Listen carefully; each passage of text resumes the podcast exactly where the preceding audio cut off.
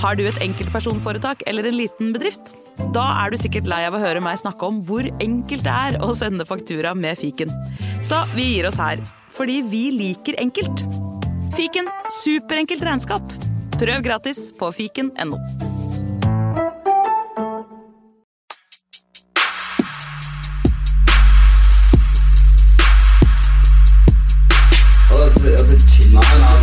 Hei, karer, hysj, hysj, hysj, hysj. Det er faktisk sånn at det kanskje er noen som har lastet ned der. Nei, nå må vi bli ferdig. La meg bare få spilt inn her, da. Velkommen til fotballuka!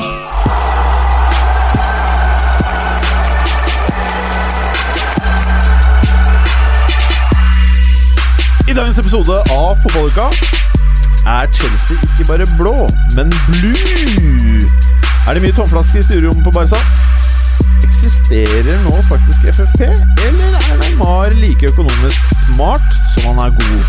Milano-dollars blir det spennende i år? Alt dette og mye, mye mer i dagens episode av Fotballuka! Hallo, Morten Galaasen. Hei, Jim Fosheim. Hei, du. Lenge siden sist. Eh, ja Noen vil jo si ikke lenge nok, men jeg sier at det var altfor lenge. Ja, men det var hyggelig. Ja, det var veldig hyggelig. Begynte å bli litt svett her etter. Nei, det trenger ikke å være. Men uh, det første som slår meg, at du går jo egentlig litt i ett med veggene i studioet vårt i dag. Som er rød. De er røde. Ja, Rød som Union. Eh, Rød som Union. Og det sier vel litt om hva det er du har på deg, Gallosen. Ja, vi har en uh, fast lytter uh, ved navn Christian, som Kristian etternavn. Holum. Holum, ja. Holum. Hollum. Ja, en av de tre. Hei, Kristian. Jeg vet at Kristian, du er veldig flink til å retweete og spre oss på Twitter. Det liker vi. Han er det. Fortsett med det. Han uh, tok kontakt med meg på Twitter, eh, nevnte sosiale medium. Uh, rett før sommerferien, og kunne ordne meg en god pris på fjorårets uh, Union-drakt. Ja. Som for øvrig er den eneste drakta de har hatt i min tid som fan, som er noenlunde fin. Mhm. Så den slo jeg til på. Hvor Ja. mye måtte du ut med? Eh, 400 og noe. Det er ikke gærent. Det er fint, det. vet du. Det er nok mange som ikke hadde bladd opp 400 for nå, da. Men ja Dem om det, tenker jeg. Men du, jeg liker sponsoren. Lionberger. Ja. Skal, vi tippe, skal alle tippe hva det er for noe? Jeg tipper det er en, eh, en berger som uh, chiller'n og ligger bakover. En berger sånn som deg? Berger, ja, berger som En chiller. person som har mye penger, som ja, sponser? Ja. Ok, Hva tror du, Preben? Gå for is, jeg. Is. Men under her står det Nutrition Style. Nutrition style. Å ja, det er engelsk. Skrive, skrive på litt sånn kul måte. Så, så jeg tenker det har noe med nutrition å gjøre, jeg, da. Du er veldig smart. Jeg leste det stunder. Eh, og så kan man jo Vet du hva det er, eh, egentlig? Nei, men eh, jeg, min logikk var også å se på nutrition-greiene. For Da, da tipper jeg jo at det er en pølsemaker. Kjenner jeg tyskerne rett? Oh, ja. Så du sier det, ja. Ja, men, Men hvis det er en pølsemaker, du har sagt pølsemaker, jeg har sagt nutrition, for begge rett? Eh, Ja i- Nei. Nei. Nei. Får du ikke nutrition av pølser? Ikke av disse pølsene. Altså, jeg tror ikke det er pølser. Har du googla det? Altså, det her er på Jeg finner det faktisk på prisjakt.no, så har de Skal vi se, Preben har funnet noe her. Ja, det er eh, Du er inne på noe, Jim. Nei, eller? Ja, altså, er det. Energibarer og den type Ja, ting, sånn shaker proteinshaker ja, og sånne ting. Ja. Ja. Så du tok feil, jeg hadde rett. Ja, faktisk. Men uh, kan du ikke beskrive logoen oppe i venstre hjørne der? For det her er jo noe som for uh, veldig mange så kan dette minne om en dårlig Ferrari-logo, hvis du ser sånn kjapt, Ja, Uh, med tanke på fargene. Mm. det er det det er, ja. Ja. Jeg har alltid lurt på hva den minner meg om. Ja. Annet enn at den er i hvert fall ikke del av den moderne fotballen. Det Det er, er det er ikke Ferrari- den J-en til Juventus vi ser på her. Ikke sant? Det er, er Ferrari-fargene, men de har tatt eh, Peugeot-bjørnen og puttet den inn i stedet for den hesten. Ja. Og så er det jo farger som i utgangspunktet skal by meg litt imot. da Ja. Eh, Rødt og gult i tospann eh, gir jo litt galatasarayanske assosiasjoner. Ja, Men, du eh, sier noe. ja. Ser jeg helt feil, eller ser det ut som det er en klubbe eller en øks som går i huet på bjørnen? Skjønner jeg? Det, jeg tror den sirkelen som C-en og bjørnen og disse strekene er en del av, skal forestille en fotball. En gammeldags fotball, Ja, sånn som Mitre fortsatt lager. Ja, Som veldig bra. Som.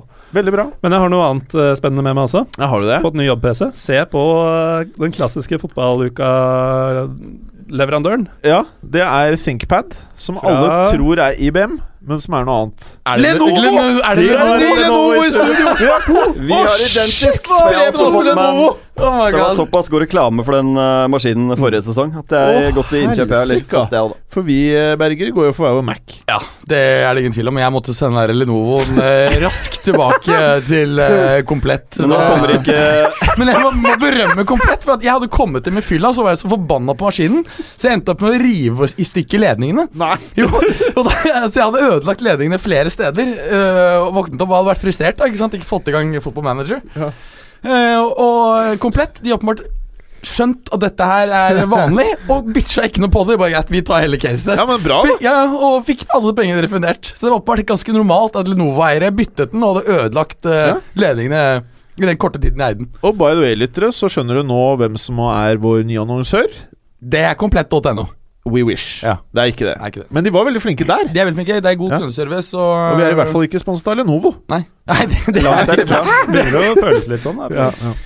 Eh, føler du deg ferdig nå? Kan Preben si noe, eller skal du si noe mer? Eh, han kan godt si noe først, men jeg har noe til dere etterpå. Ja, det kan vi ta når vi er ferdig. Mm. Eh, introen blir jo ganske lang nå, men kan du si kjapt hvorfor ikke du var her forrige uke? Jeg var i Storbritannia. Jaha! Mm. Og der eh, gjorde du vel noe fotballrelatert, håper jeg? Ja, jeg gjorde det også. Jeg var på et, uh, hva skal vi si, et uh, oppdrag, men i løpet av det oppdraget så fikk jeg tatt meg en tur på Craven Cottage. Og sett på Stefan Johansens uh, Følheim spille uavgjort i serieåpninga i Championship mot uh, Kasper Wikestads eh, Norwich. Ja. Hva ble, hva ble stillingen? 1-1. En- v- v- Hvordan var han eh, Ryan Cesenia? Eh, svært ukonsentrert. Ja. Han uh, skuffa meg stort. Nei, ja, men det, Veldig, veldig um, ivrig, opp og ned sida, veldig løpssterk, veldig kjapp og prøvde å involvere seg. Men glemte å følge med når han først fikk ballen. Ja. Så det var mye unødvendig balltap og dårlige første touch. det er det eneste er tidspunktet jeg tror jeg ville ha greid å følge med hvis jeg ikke spilte fotball. og vært ballen. ja, Det høres ikke ut som 50 pund, det der. Nei, det gjorde ikke det. Nei. Men, Men, han var umåtelig populær, da, så han har tydeligvis vist bedre takter tidligere. Hvordan var stadion? Stadion var uh, godt gammelt uh, britisk. Ja. Uh, jeg hadde store forventninger, men ble litt skuffa over at eh, tribunene var litt slakke. Ja. Altså Jeg liker veldig bratte tribuner, og forventer egentlig det også fra gode, gamle engelske stadion. Mm.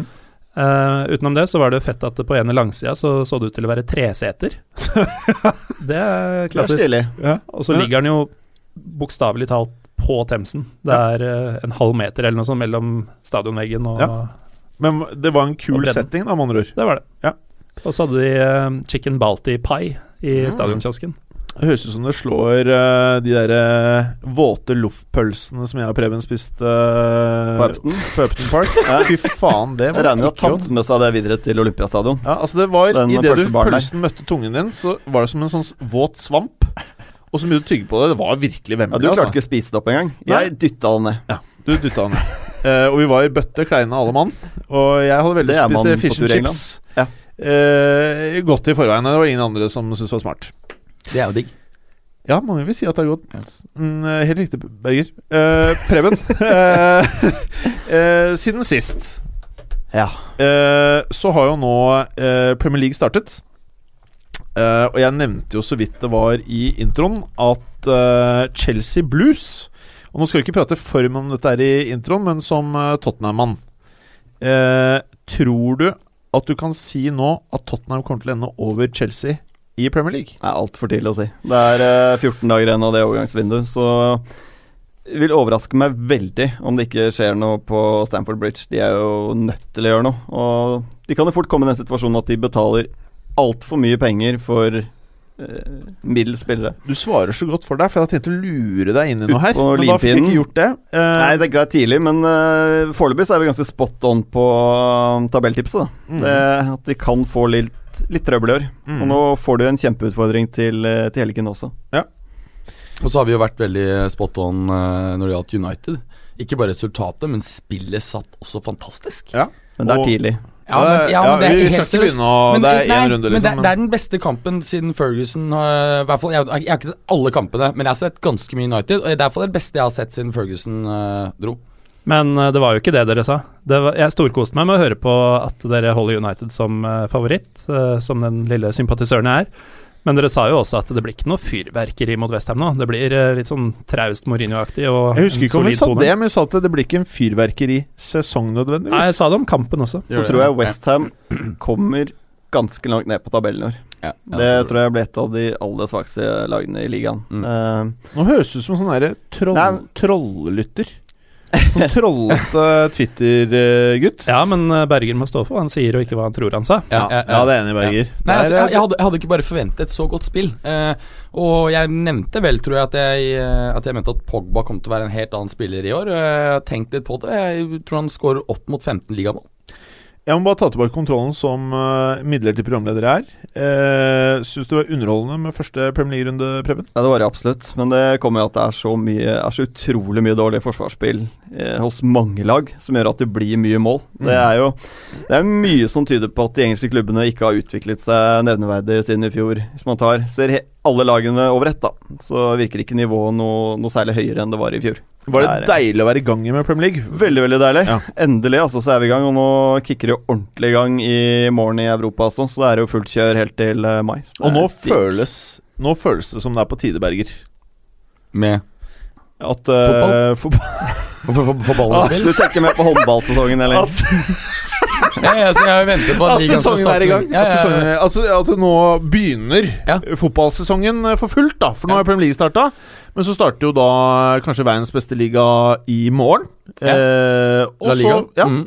er jo det meste eh, i gang, da. Ja. Føles det som. Det jeg allerede nå gruer meg til Det er jo sånn at uh, Bare noen få ligarunder inn i den nye sesongen, så får vi denne forferdelige landslagspausen som vel er i slutten av september. Og den føles Altså Det føles som det er en luremusfølelse, for du har fått litt, og så bare er det sånn Nei, det var ikke noe mer der. Vet du hva, Det var veldig godt beskrevet, for jeg har sittet nå og tenkt på det sjøl. Mm. At uh, den kommer litt brått på, egentlig. Ja, så jeg har tenkt å gjøre, gjøre lage noen planer så de ikke skal plage meg så jævlig de to ukene. For det er normalt faktisk de to ukene i året som er verst for meg.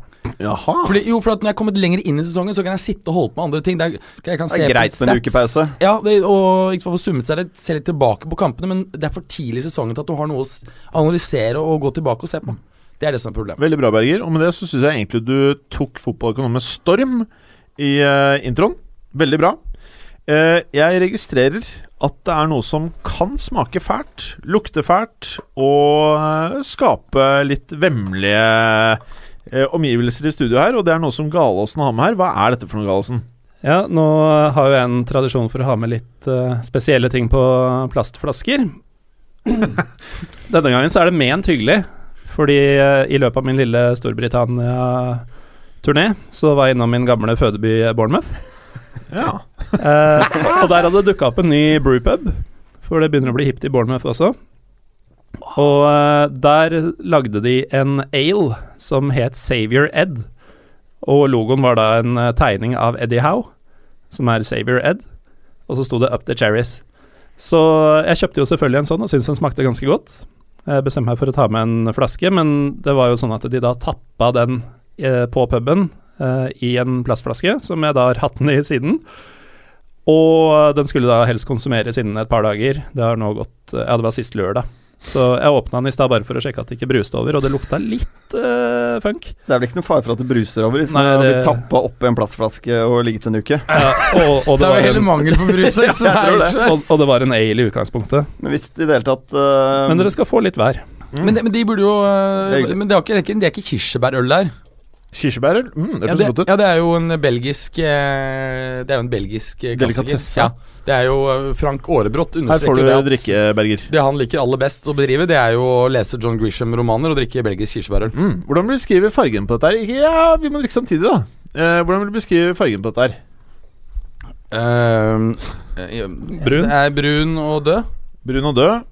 Eh, hvordan lukter dette, Preben?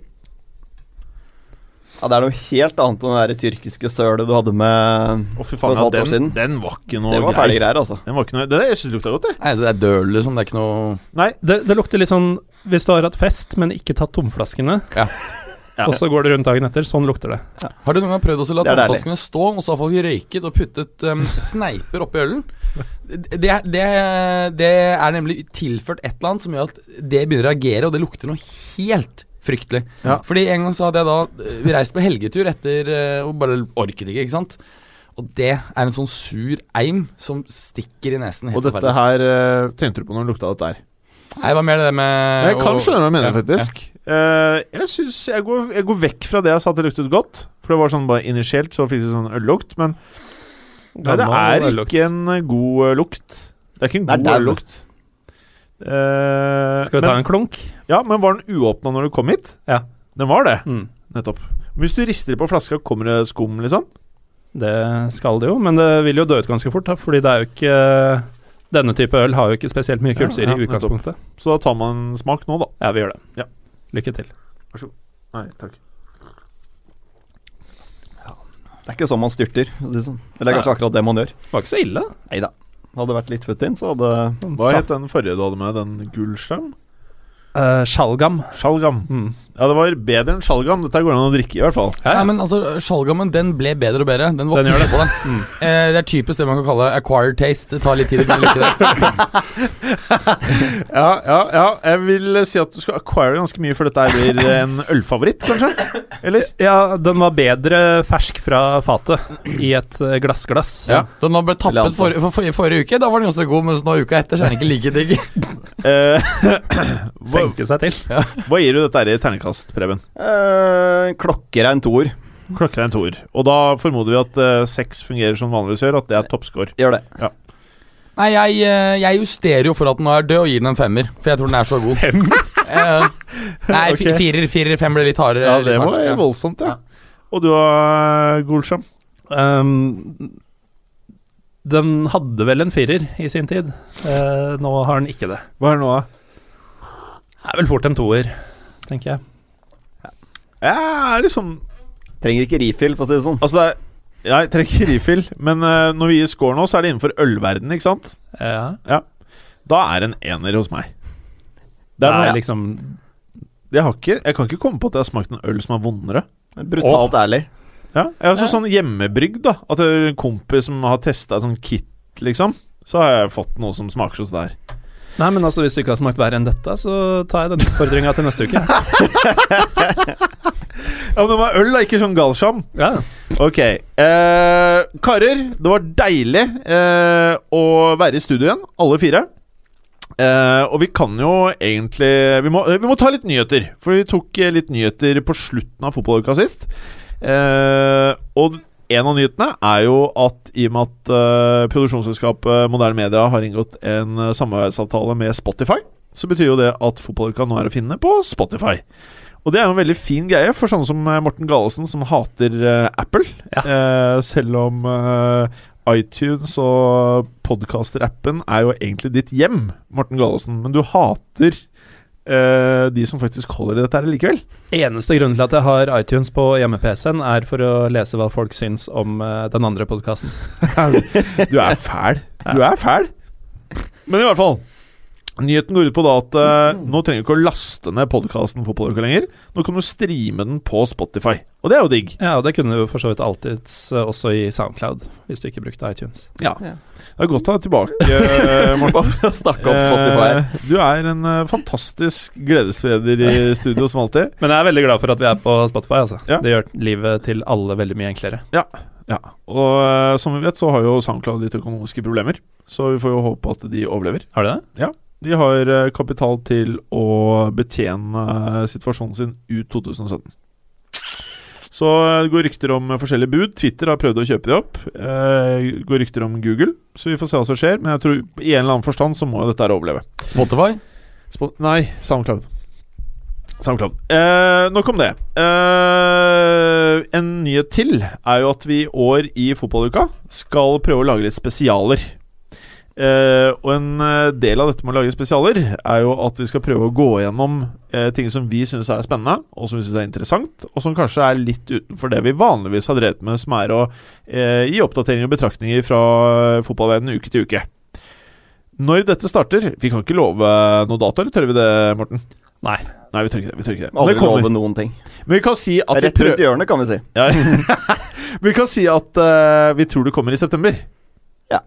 Kanskje landslagspausen. Hvem vet? Ja, kanskje det er noe, faktisk. Vi Ja. tror kanskje at det kommer i landslagspausen eller i september, eventuelt seinere. Eller så er det rett rundt hjørnet. Mm. Veldig bra. Eh, Morten. Jim? Nå skal vi gjøre en liten preview av eh, Europa. Ikke sant? Ja, skal vi begynne i eh, Der faterland?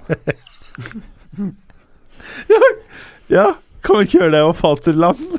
Vi kan Er- gjøre det. Det Er er da hvilken liga? Tyskland. Ja. Eh, Bundesliga, som vi har altså et enormt hjertesukk til å begynne med. Den begynner i morgen, eller i dag for de som lytter. Og ingen i Norge har senderettighetene. Nei, det er litt krise. Nei, det er vilt. Det må noen bare bla opp for Altså. Fordi, mener, Eurosport hadde det i fjor, de har gått ut, altså den kontrakten. Ja, Mm. de, Så vidt jeg har skjønt, så har de bare gleda seg til å bli kvitt det. For det hadde ikke noen ratings. Nei, fordi de ikke liker det. De som styrer og ordner her. Men vi liker det. Vi liker det veldig godt. Ja. eh, kanskje best av alt. eh, i Kanskje hvert fall ikke i, best av alt, I min men bok. kanskje tredje-fjerde best av alt. Ja, ca. fjerde best av alt. Altså ikke nivået, men hvor godt man liker det. ja. Ja, Fjerde. nettopp. Nei, nivået nivå legger jeg litt høyere, det vil jeg kanskje legge på tredje. men det er jeg vet ikke. Koeffisientmessig er de på andre. Jeg vet, ja, de, så de er veldig flinke, og jeg liker Tyskland godt, altså. Mm. Men ja, hva lurer du på om tysk fotball, eh, Jim? Nei, jeg bare lurer på hvem tar CL-plassene? Kan du ikke bare starte med det? CL-plassene? Ja? CL-plassene. Ja. CL. Også kalt Champions League, eller står for Champions League, da. Ja. Nei, jeg var usikker på om du sa sølvplassene. Nei. Det var derfor. Det er bare i så fall én sølvplass, Ja. vel? Nei, det er, ja, nettopp. Og den tar enten Bayern eller Borussia Dortmund. Å, sier Jeg det? tror faktisk at det kan bli en viss kamp i år. Eh, Hva med energidrikk-fotballaget? jeg skal komme til dem. Ja. Men eh, spørsmålet ditt var hvem tar eh, CL-plassene, Ja. og ikke sølvplassen. Nettopp. Og eh, det er da Bayern og Borussia. Og så slikker jeg på fingeren og løfter den i været, og sier faktisk Leipzig. Jeg tror de eh, Om ikke blir en gullutfordrer, så tror jeg de tar eh, pallplass i år også. Og det er bare tre direkteplasser fra eh, Bundesliga. Nei, fra i år så er det Ja, fire eh, for de topp fire ligaene. Så Stemmer, Italia går fra å ha reelt to til å få plutselig fire. Ja, så det er de tre. Og så er det veldig vanskelig å se det utkrystallisere seg noen eh, bak disse tre. Det, har vært, det, veldig, det var veldig jevnt fra si 4. til 15. ca. i eh, forrige sesong. Veldig få klubber har gjort noe særlig Noe særlig sprell på markedet. Eh, så jeg tror det blir veldig tett eh, her også. Men eh, skulle jeg Jeg vil tro det vil stå mellom Schalke, som får en mye bedre sesong, vil jeg tro. Og så skal jeg ta et litt sånn frekt tips og si at både Köln og erkerival Mönchengladbach er kapable til fjerdeplassen dersom, de, dersom ting klaffer. Hva med, okay. hva med Hoffenheim, da? Eh, jo, de har jo mista sine to beste spillere og vil eh, merke det. Samtidig så har de henta spennende. Så de også kan for så vidt blande seg. Men jeg, jeg klarer ikke helt å se at de skal ha to sånne sesonger på rad. Uh, det er for lite rutine der, både på spiller- og trenersiden. Men, men, men Nagelsmann virker jo som en av de mest spennende unge, unge spillerne i, Nei, unnskyld, trenerne i, i verden. Han har liksom akkurat runda 30, det er jo helt fantastisk. Ja, nå i sommer, vel. Ja, Det er det som er så jævlig sjukt. Han, han fikk vel den rollen da han var, ennå var 28. Men en annen ting er jo at uh, Schalke har jo blitt overtatt av Domenico Tedesco, som er 31 år gammel. Han uh, gikk inn og redda Erzgebirge Aue fra nedrykk fra andre liga i fjor. De var et av de beste laga på vårparten, eh, etter å ha vært et av de dårligste resten av sesongen, etter at han kom inn. Eh, så det, er, det blir veldig gøy å følge disse to lagene, fordi de har jo begge spillere som er langt eldre enn eh, treneren sin. Mm. Men eh, jeg tror ikke Hoffenheim holder til ny CL-plass. Eh, men Hva sier det om Tyskland og Bundesliga at det er en kultur for at unge trenere eh, kommer så i søkelys som de gjør der?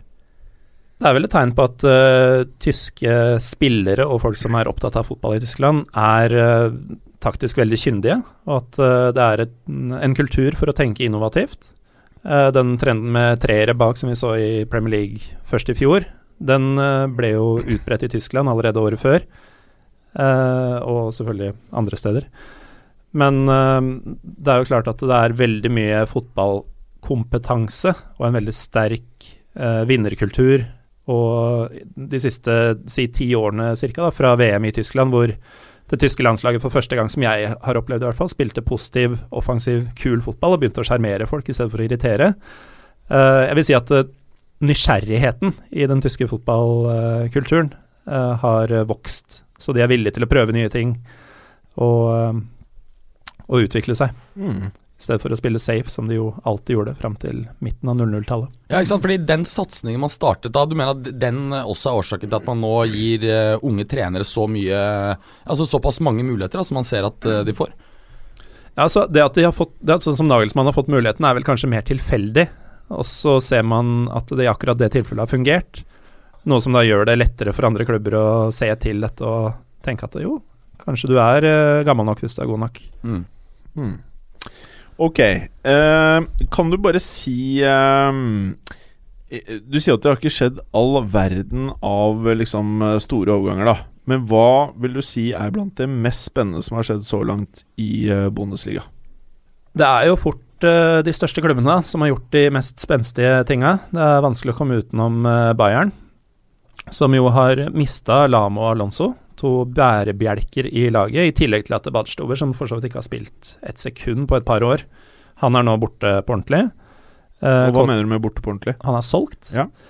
Eh, Benatia det samme, heller ingen eh, viktig brikke i det Bayern-laget som Og vant Badstuber har gått til til Schalke. -hmm. Ja, og Benatia var vel på lån i, hos Juve også i fjorårssesongen. Ja, ikke sant. Nå er det Mm. permanent. Eh, Douglas Costa har også gått. Ja. Eh, så det er en del navn Også ut. til men- Juve.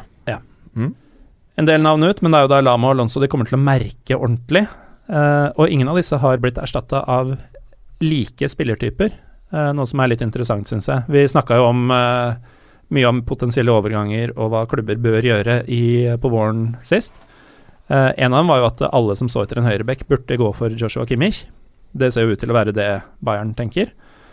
Eh, og så har de da henta to midtbanespillere som skal demme opp for uh, tapet av Alonso, men det er da Sebastian Rudi, uh, som jo for så vidt er en defensiv midtbanespiller, men mye mer sånn Han er ikke den pasningslegeren og, og arkitekten som Alonso er. Eh, og så har de da henta Corentin Tolisso fra Lyon, som er eh, sesongens eller sommerens dyreste kjøp av en Bundesliga-klubb. Det er vel tidenes dyreste kjøp av en Bundesliga-klubb. 37 millioner euro. Ja, samme mm. som eh, Vidal. Mm. Ja, og det er fint at du nevner han, fordi det er en spilletype som på mange måter ligner på Vidal.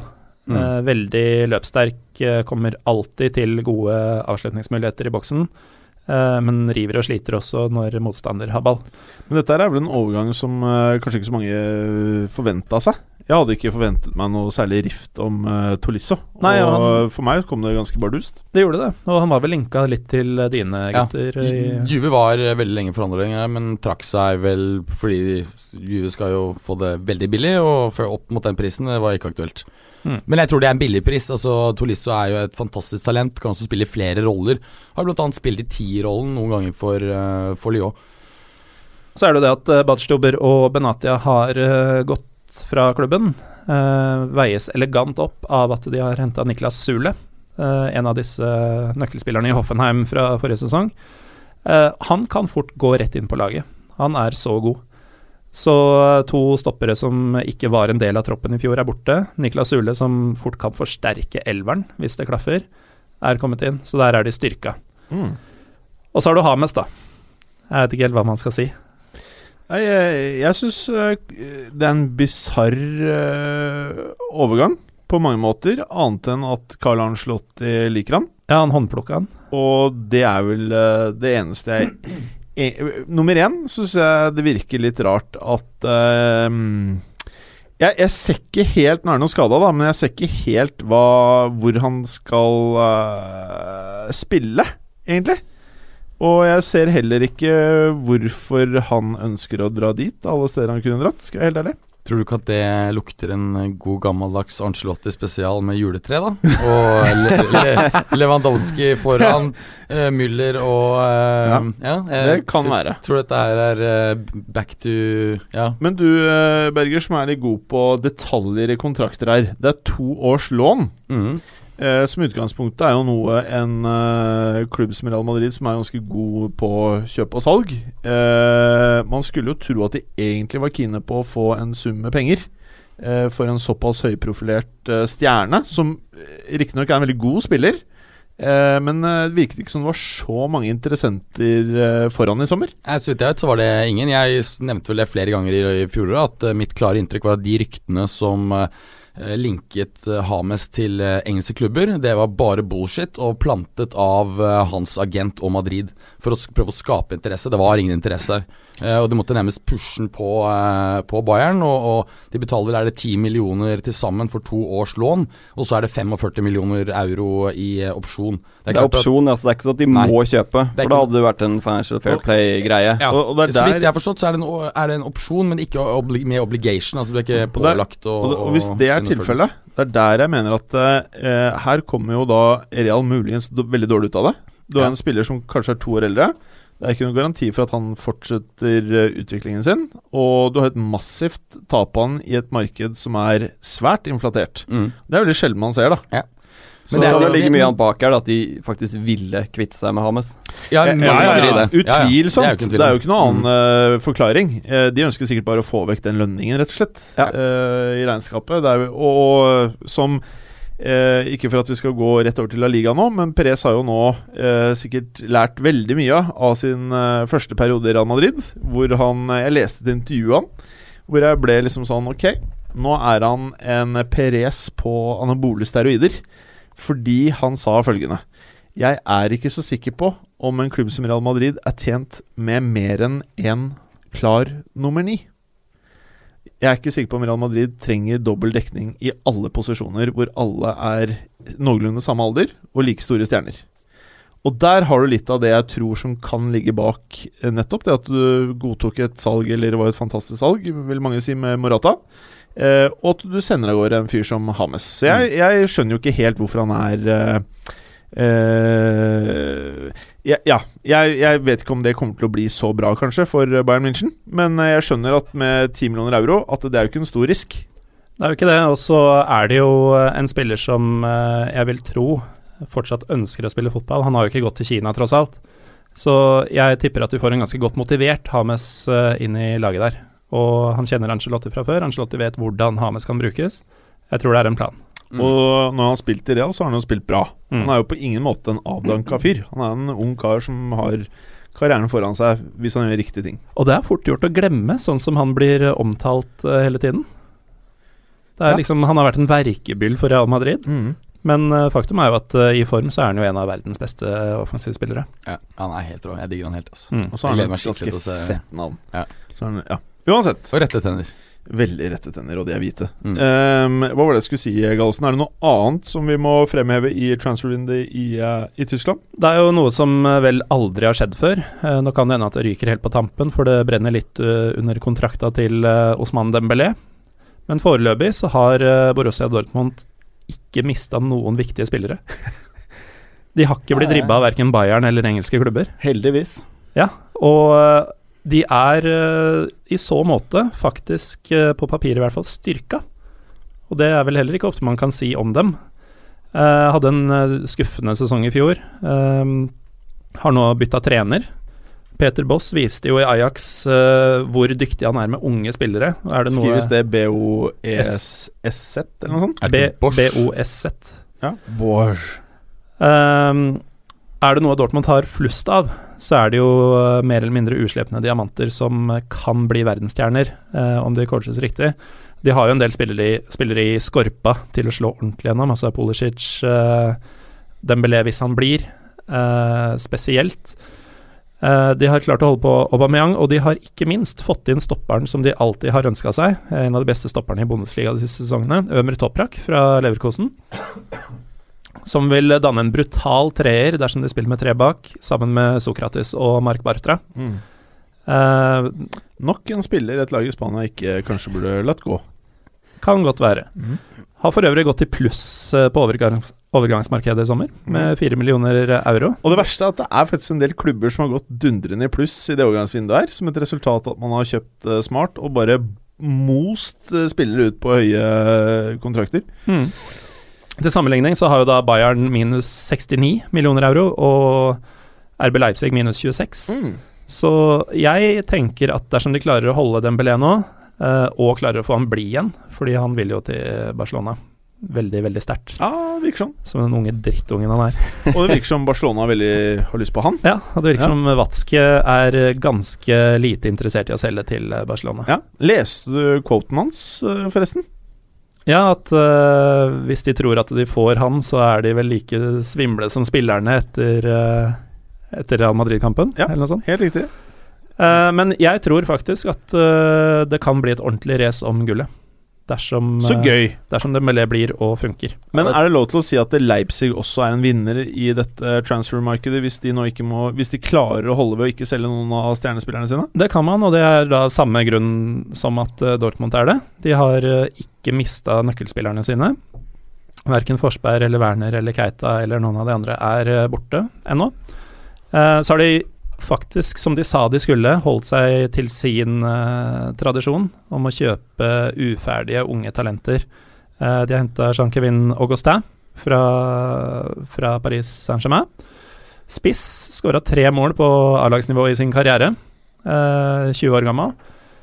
Ikke ment som en starter, men eh, vil eh, kunne bidra til bredde bak eh, Werner spesielt. Og så har de ikke minst henta meget spennende Broma fra Galatasaray. 22 år gammel portugisisk landslagsspiller, kantspiller, som har vært all the rage i tyrkisk liga. Eh, litt skadeplaga, Hva men betyr det du sa der? eh, Dyktig, tror jeg. Ja. All the rage? Ja. Det er uh, han de har snakka mest om, i hvert Er det et tyrkisk utsagn som du bare oversatte direkte? Nei, det er et engelsk utsagn, Det er det, ja. som jeg ikke oversatte. Nei, fint.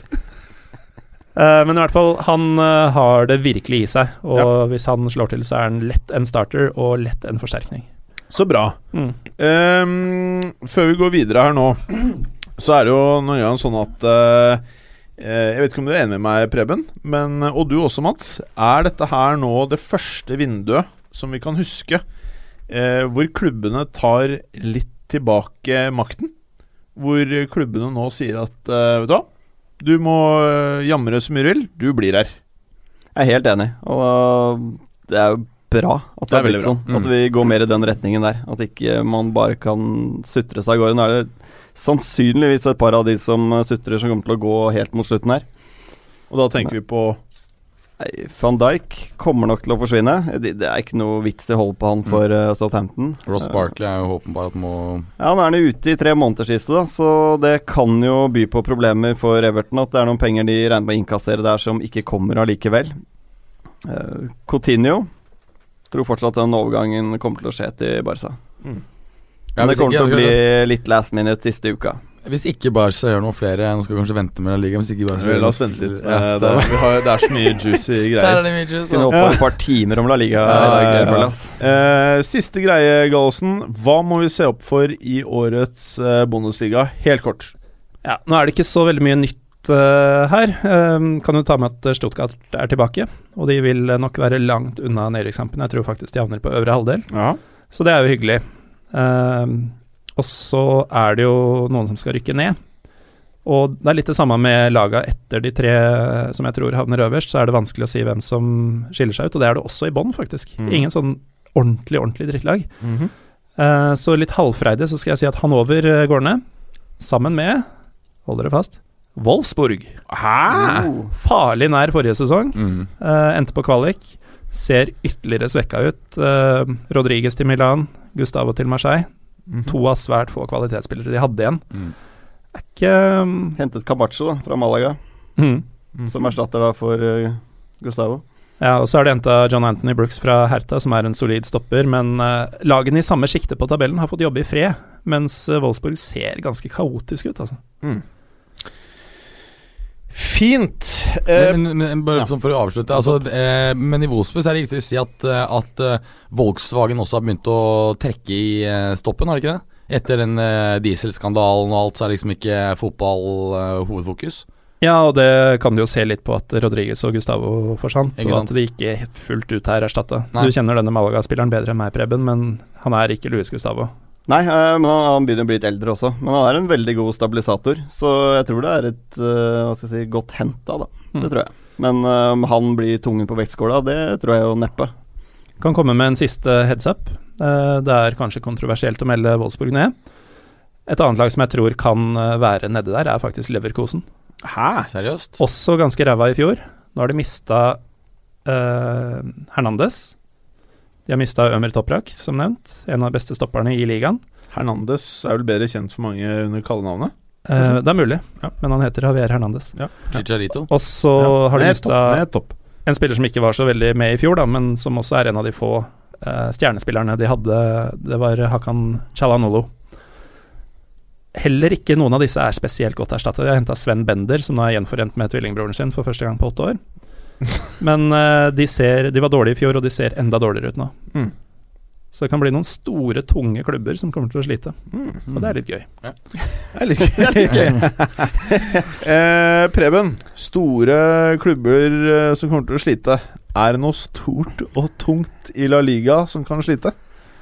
Det ser, altså, dette er, hver sesong så snakker man jo om Er det Atletico altså, de, Skal de utfordre Barca og Real Madrid? Man snakker liksom alltid om Barca og Real Madrid som ja, ett, nesten. da Ja. uh, Men det er jo Det er lenge siden jeg kan huske at ett lag har vært så klar uh, favoritt i La Liga som uh, Real Madrid er i år. Og det går jo på, på alt, egentlig. Det er stabiliteten, det er sammensetning av spillertyper. Det er De kan spille possession når de vil det, de kan spille direkte når de må det. Masse spanske spillere også i troppen nå. Det er vel 12 av de 23 som er i troppen, er spanske. Så det er en del de, henter, de, er litt, de er litt der hvor Barca var for eh, noen år tilbake, da de dominerte. De, de henter de største spanske talentene tidlig. Uh, de som ikke blir gode nok for Real Madrid, blir ofte gode nok for et annet lag i La Liga. De får noen kroner for det. Så Nei, og de har jo vinnerkultur. De har vunnet 11 av de 11 siste finalene de har vært i. Så og Zidane, han gjør det ekstremt bra i forhold til å holde alle motiverte, alle på tå hev. Det er eh, ingen på det laget, kanskje bortsett fra Ramos Ronaldo, som føler at plassen min er bombesikker. Du ser jo når Kovacic kommer inn nå istedenfor Casemiro. Makes no difference i det hele tatt. Han var overraskende god i den rollen. Ja, altså For Ascensio kan man jo greit argumentere for er et bedre alternativ enn Bale i dag. Du har Vasquez, du har Isco Altså Det er så mange Og de er litt forskjellige typer òg. De, har- de har både musklene og teknikken. Altså Asensio ser jo mer og mer ut som det virkelig next big thing. Altså, jeg var bull på han i fjor, men nå står jeg bare stort sett i bro hver morgen, eh, morgen eh, Ja, det er for, bare for å tenke Faen så god han var i går, går også, liksom. Ja, Det er overgangsvinduet her også, det viste jo nok en gang hva de gjør. De henter eh, Theo Hernandez, 19 år, eller Hernandez, og, og mm, Ceballos, selvfølgelig. Så, som kommer til å bli mer en backup, tenker jeg. Ja, Men eh, det er kan vokse litt inn i rollen. Kanskje ta over for type Modric da, Ja. eh, om et par år. Og det er jo i tillegg til han Llorente, han defensiv midtbane, og i tillegg til han VH, Ja. han som var på lån i Eintracht Frankfurt. Tenker ikke? Jorente stopper. Ja, nei, Nei, Marcos Llorente. Marcos Han Llorente. har nå, Ja. ja. Defensiv midt. Ja. Mm. De henter jo spillere da som skal gå inn og ta rollen om to-tre år, når de andre blir faset ut. Så da har de allerede gode nok spillere som kan gå inn og, og gjøre den jobben med en gang. Uten at de da må hente inn en dyr Verratti utenifra for å dekke et akutt behov. da Men skal vi ta De litt driver smart. Skal vi ta litt, for det er kanskje litt relevant her, da. Eh, jeg vet ikke, Det er jo ikke alle sikkert som følger eh, La Liga like tett, annet enn overskrifter og overganger. Men mange av de spillerne som har gått til Real eh, Det er jo veldig naturlig at eh, både Real og Barca eh, har hatt det i søkelyset. Og Ascencio, som vi prata om, har jo vært i, eller var jo i søkelyset til Barcelona veldig lenge. Eh, og så vidt eh, Nå kan jo de eh, historiene man leser om, variere noe. Men det går jo, alle går jo ut på at Barcelona var første klubben som var interessert i han, av de to store i Spania. Og så bød de vel 2,5 millioner euro. Så skulle Mallorca ha 4,5. Og så sa de at eh, vi kan gi dere 2,5 nå, og 2 millioner senere eventuelt. Eh, og det var de ikke interessert i, og så tok Barcelona en liten pause på tre måneder uh, ved å ikke pursue han noe mer. Og så kommer Real Madrid, casher 4,5 millioner euro, og så er Ascencio Real Madrid-spiller og sender ut på lån. Og så har han nå blitt det han er i dag.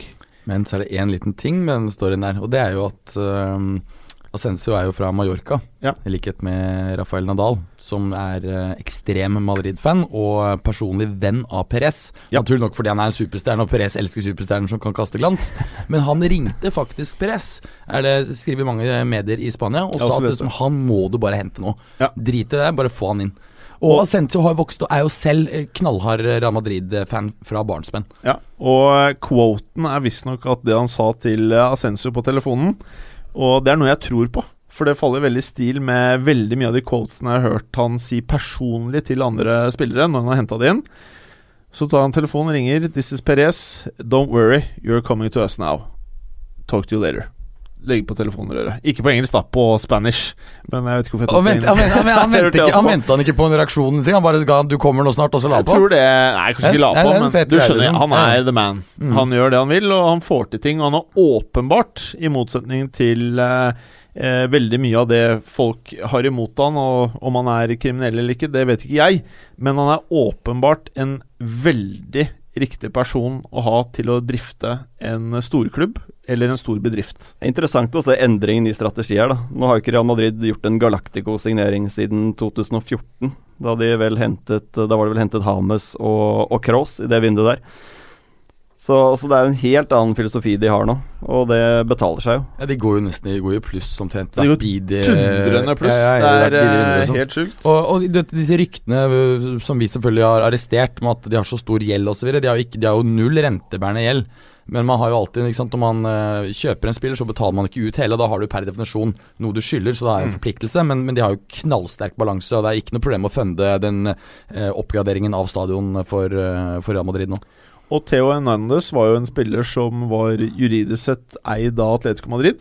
Eh, og så vidt jeg skjønte, for å bevare roen i leiren, så kjøpte de han for vel eh, 30, mens eh, 24 euro, og så betalte de en bonus på 6 Ja, for at eh, alle skulle være fornøyde, og at det ikke skulle bli noe uromoment mellom de to klubbene. Mm. Samme gjorde det med han eh, Ceballos også, men Ja. da tror jeg det var egentlig bare for å passe på at ikke Barca kom inn fra vingen. Ja, Mm. og et par mil ekstra. Ja. Mm. Antagelig eh, re relativt eh, godt investerte to millioner Ja, euro, for tror jeg. Sånn som det ser ut nå, så skulle jo Barca hatt eh, brukbart uh, bruk for uh, Ceballos. Ja, Ut ifra det han leverte i sommer i uh, dette U-mesterskapet, så hadde han glidd rett inn med den stallen midtbanen de har nå i Barca. Altså. Ja, det eneste med han er jo at han mangler en del defensivt foreløpig. Offensivt så er Ceballos veldig, veldig bra, men uh, må bli litt tøffere, større, sterkere, og det, det blir han jo på et par år i Madrid. Og så husker man jo når eh, Real henta Kroos, så var jo det en spiller som var på vei ut av kontrakten sin, og likevel så hosta det opp 24 millioner euro.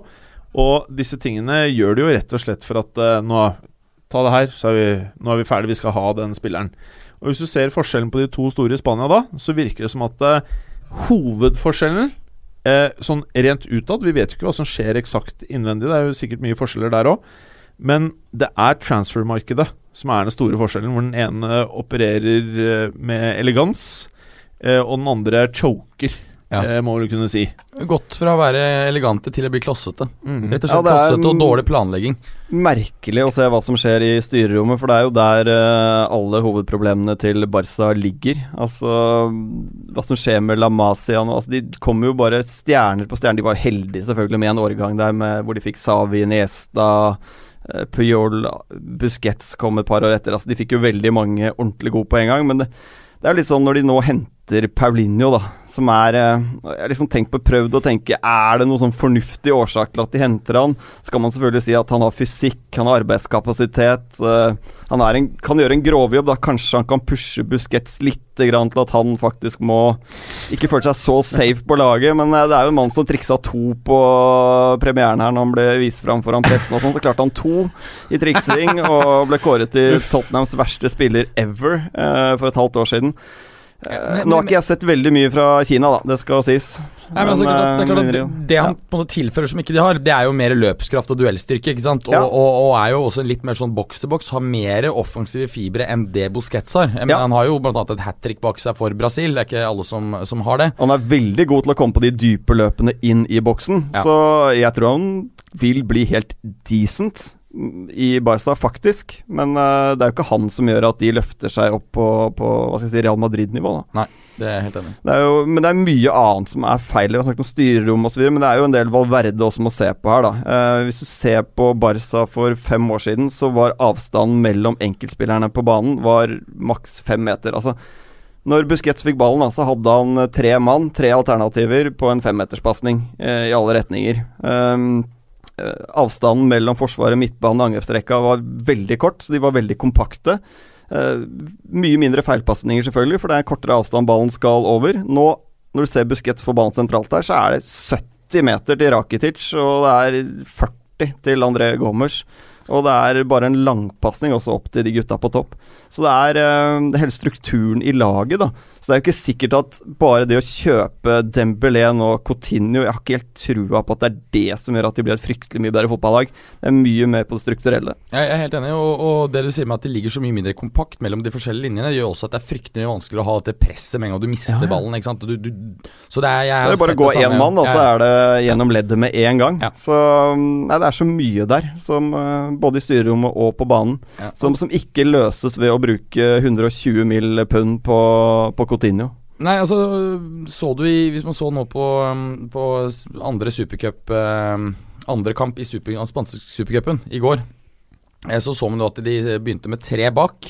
Og det gikk jo helt til helvete da når eh, wingbackene fikk jo da to Madrid-spillere på seg hele tiden. De kom jo alltid rundt på kant. Og, og Piquet ble også tatt ut. Så det virker jo som eh, Valverde ikke er helt klar på hva, hvilken stil han skal legge seg på ennå. Altså, men dette snakket vi om i hele fjor også. Hadde ikke vært altså Hele høsten var det jo Messi som bare bar det laget på skuldrene. Eh, var han ute en liten periode. Det var Neymar som måtte bære det laget på skuldrene. Altså Det var enkeltspillere som gjorde at de faktisk eh, slo de middelhavsfarerne i Spania. Så de har jo hatt et problem som har vært der allerede i to-tre år. Det er ikke noe at det har kommet akkurat nå i sommer, med at Neymar stikker. Men de har blitt reddet av ekstremt gode enkeltspillere, som har gjort at det har funka sånn halvveis.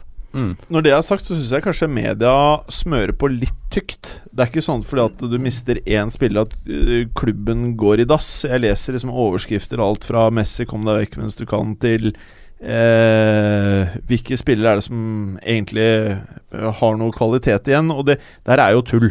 Ikke sant? Det er én spiller som har forsvunnet. Det er bare det at eh, akkurat det du nevner, er jo det at det har vært masse mangler i laget her over tid. Og så har du hatt eh, noen av verdens beste spillere, spesielt de på, tre på topp, som eh, har gjort at det virker uh, tålelig.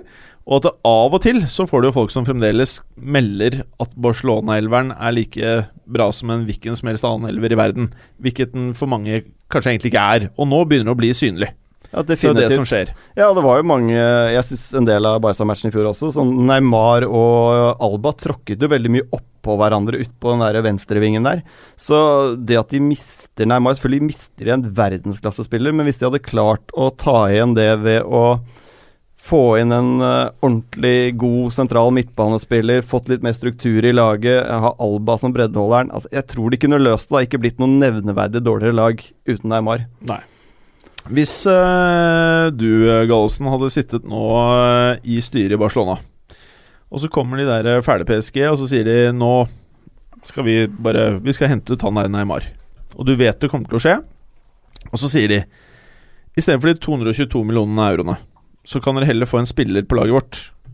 Hadde du bare tenkt eh, vi tar en spiller fra PSG i stedet for å ta imot pengene? I så fall hvem? Jeg veit hvor du vil hen. Én spiller? Og du tenker eh, Marco Verratti, Kanskje? Jeg spør deg, jeg. eh, tenker jeg. Eh, det er jo selvfølgelig eh, noe i tråd med det Preben eh, sier. At de, det er en type spiller som kunne balansert laget og gjort savnet av en helt annen spillertype. Mye mindre. Eh, kanskje ville det i sum faktisk blitt et bedre fotballag av det. Men eh, jeg tror aldri altså La oss si at dette faktisk skjedde, da, at de fikk det tilbudet. Det var aldri aktuelt for eh, de fulle sjømennene i styret til, eh, til Barcelona å si til det. Nei. Her eh, så de penger, og de har ikke helt kontroll på hva de eh, skal gjøre. Det virker ikke å være den, eh, den klare ideen om hvordan bygge en toppklubb. Det virker som det er mye desperasjon her. Og det, det er klart det ville også virka desperat om det hadde vist seg at de kunne fått 222 millioner euro, men gikk for å bare få Verratti i stedet. Mm. Da hadde man jo kritisert det, antagelig. Antageligvis. Definitivt hadde man det. Men jeg syns det er litt sånn snevert også de, de spillerne som nevnes, da med Coutinho og Dembélé. Vil de virkelig gjøre Barca noe spesielt mye bedre? Altså, jeg tenker det kan finnes andre typer der ute som, eh, som Altså- er vel så godt alternativ. Altså jeg tror jo Hvis du henter de to spillerne, så vil jo de klart løfte Barcelona Ja, i forhold til den stallen som er Ja, nå. ja, ja, ja. Men istedenfor Neymar, det er jeg ikke så sikker på. Ja, Det er jo krise nå, for nå er jo Suárez ute i fem uker. Mister i hvert fall de tre første ligakampene til Barca. Det er bare Messi de har på topp der. Alle vet at Paco Alcacer han skårer jo ikke mål, selv om han får straffemuligheter og alt. Så, og Munir er jo ikke i nærheten å ha et uh, toppnivå i La Liga. Så uansett så måtte de gjort noe med bredden, tenker jeg. Så nei, det blir uh, Valverde har en ekstremt tøff oppgave foran seg. Andre ting som er verdt å nevne i uh, La Liga er transfers? Ja, det er jo det. Det er noe en ganske morsom sak med Vitorlos overgang fra Sevilla nå til Las Palmas, og så skal han til slutt ende opp i Atletico Madrid.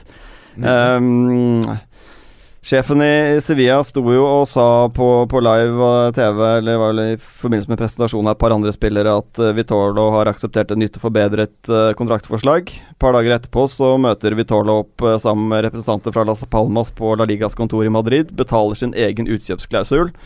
Uh, signerer for uh, en kort kontrakt da, med, med Las Palmas. Uh, alt dette er selvfølgelig finansiert av Atletico Madrid, som har kommet til å signere for da i januar.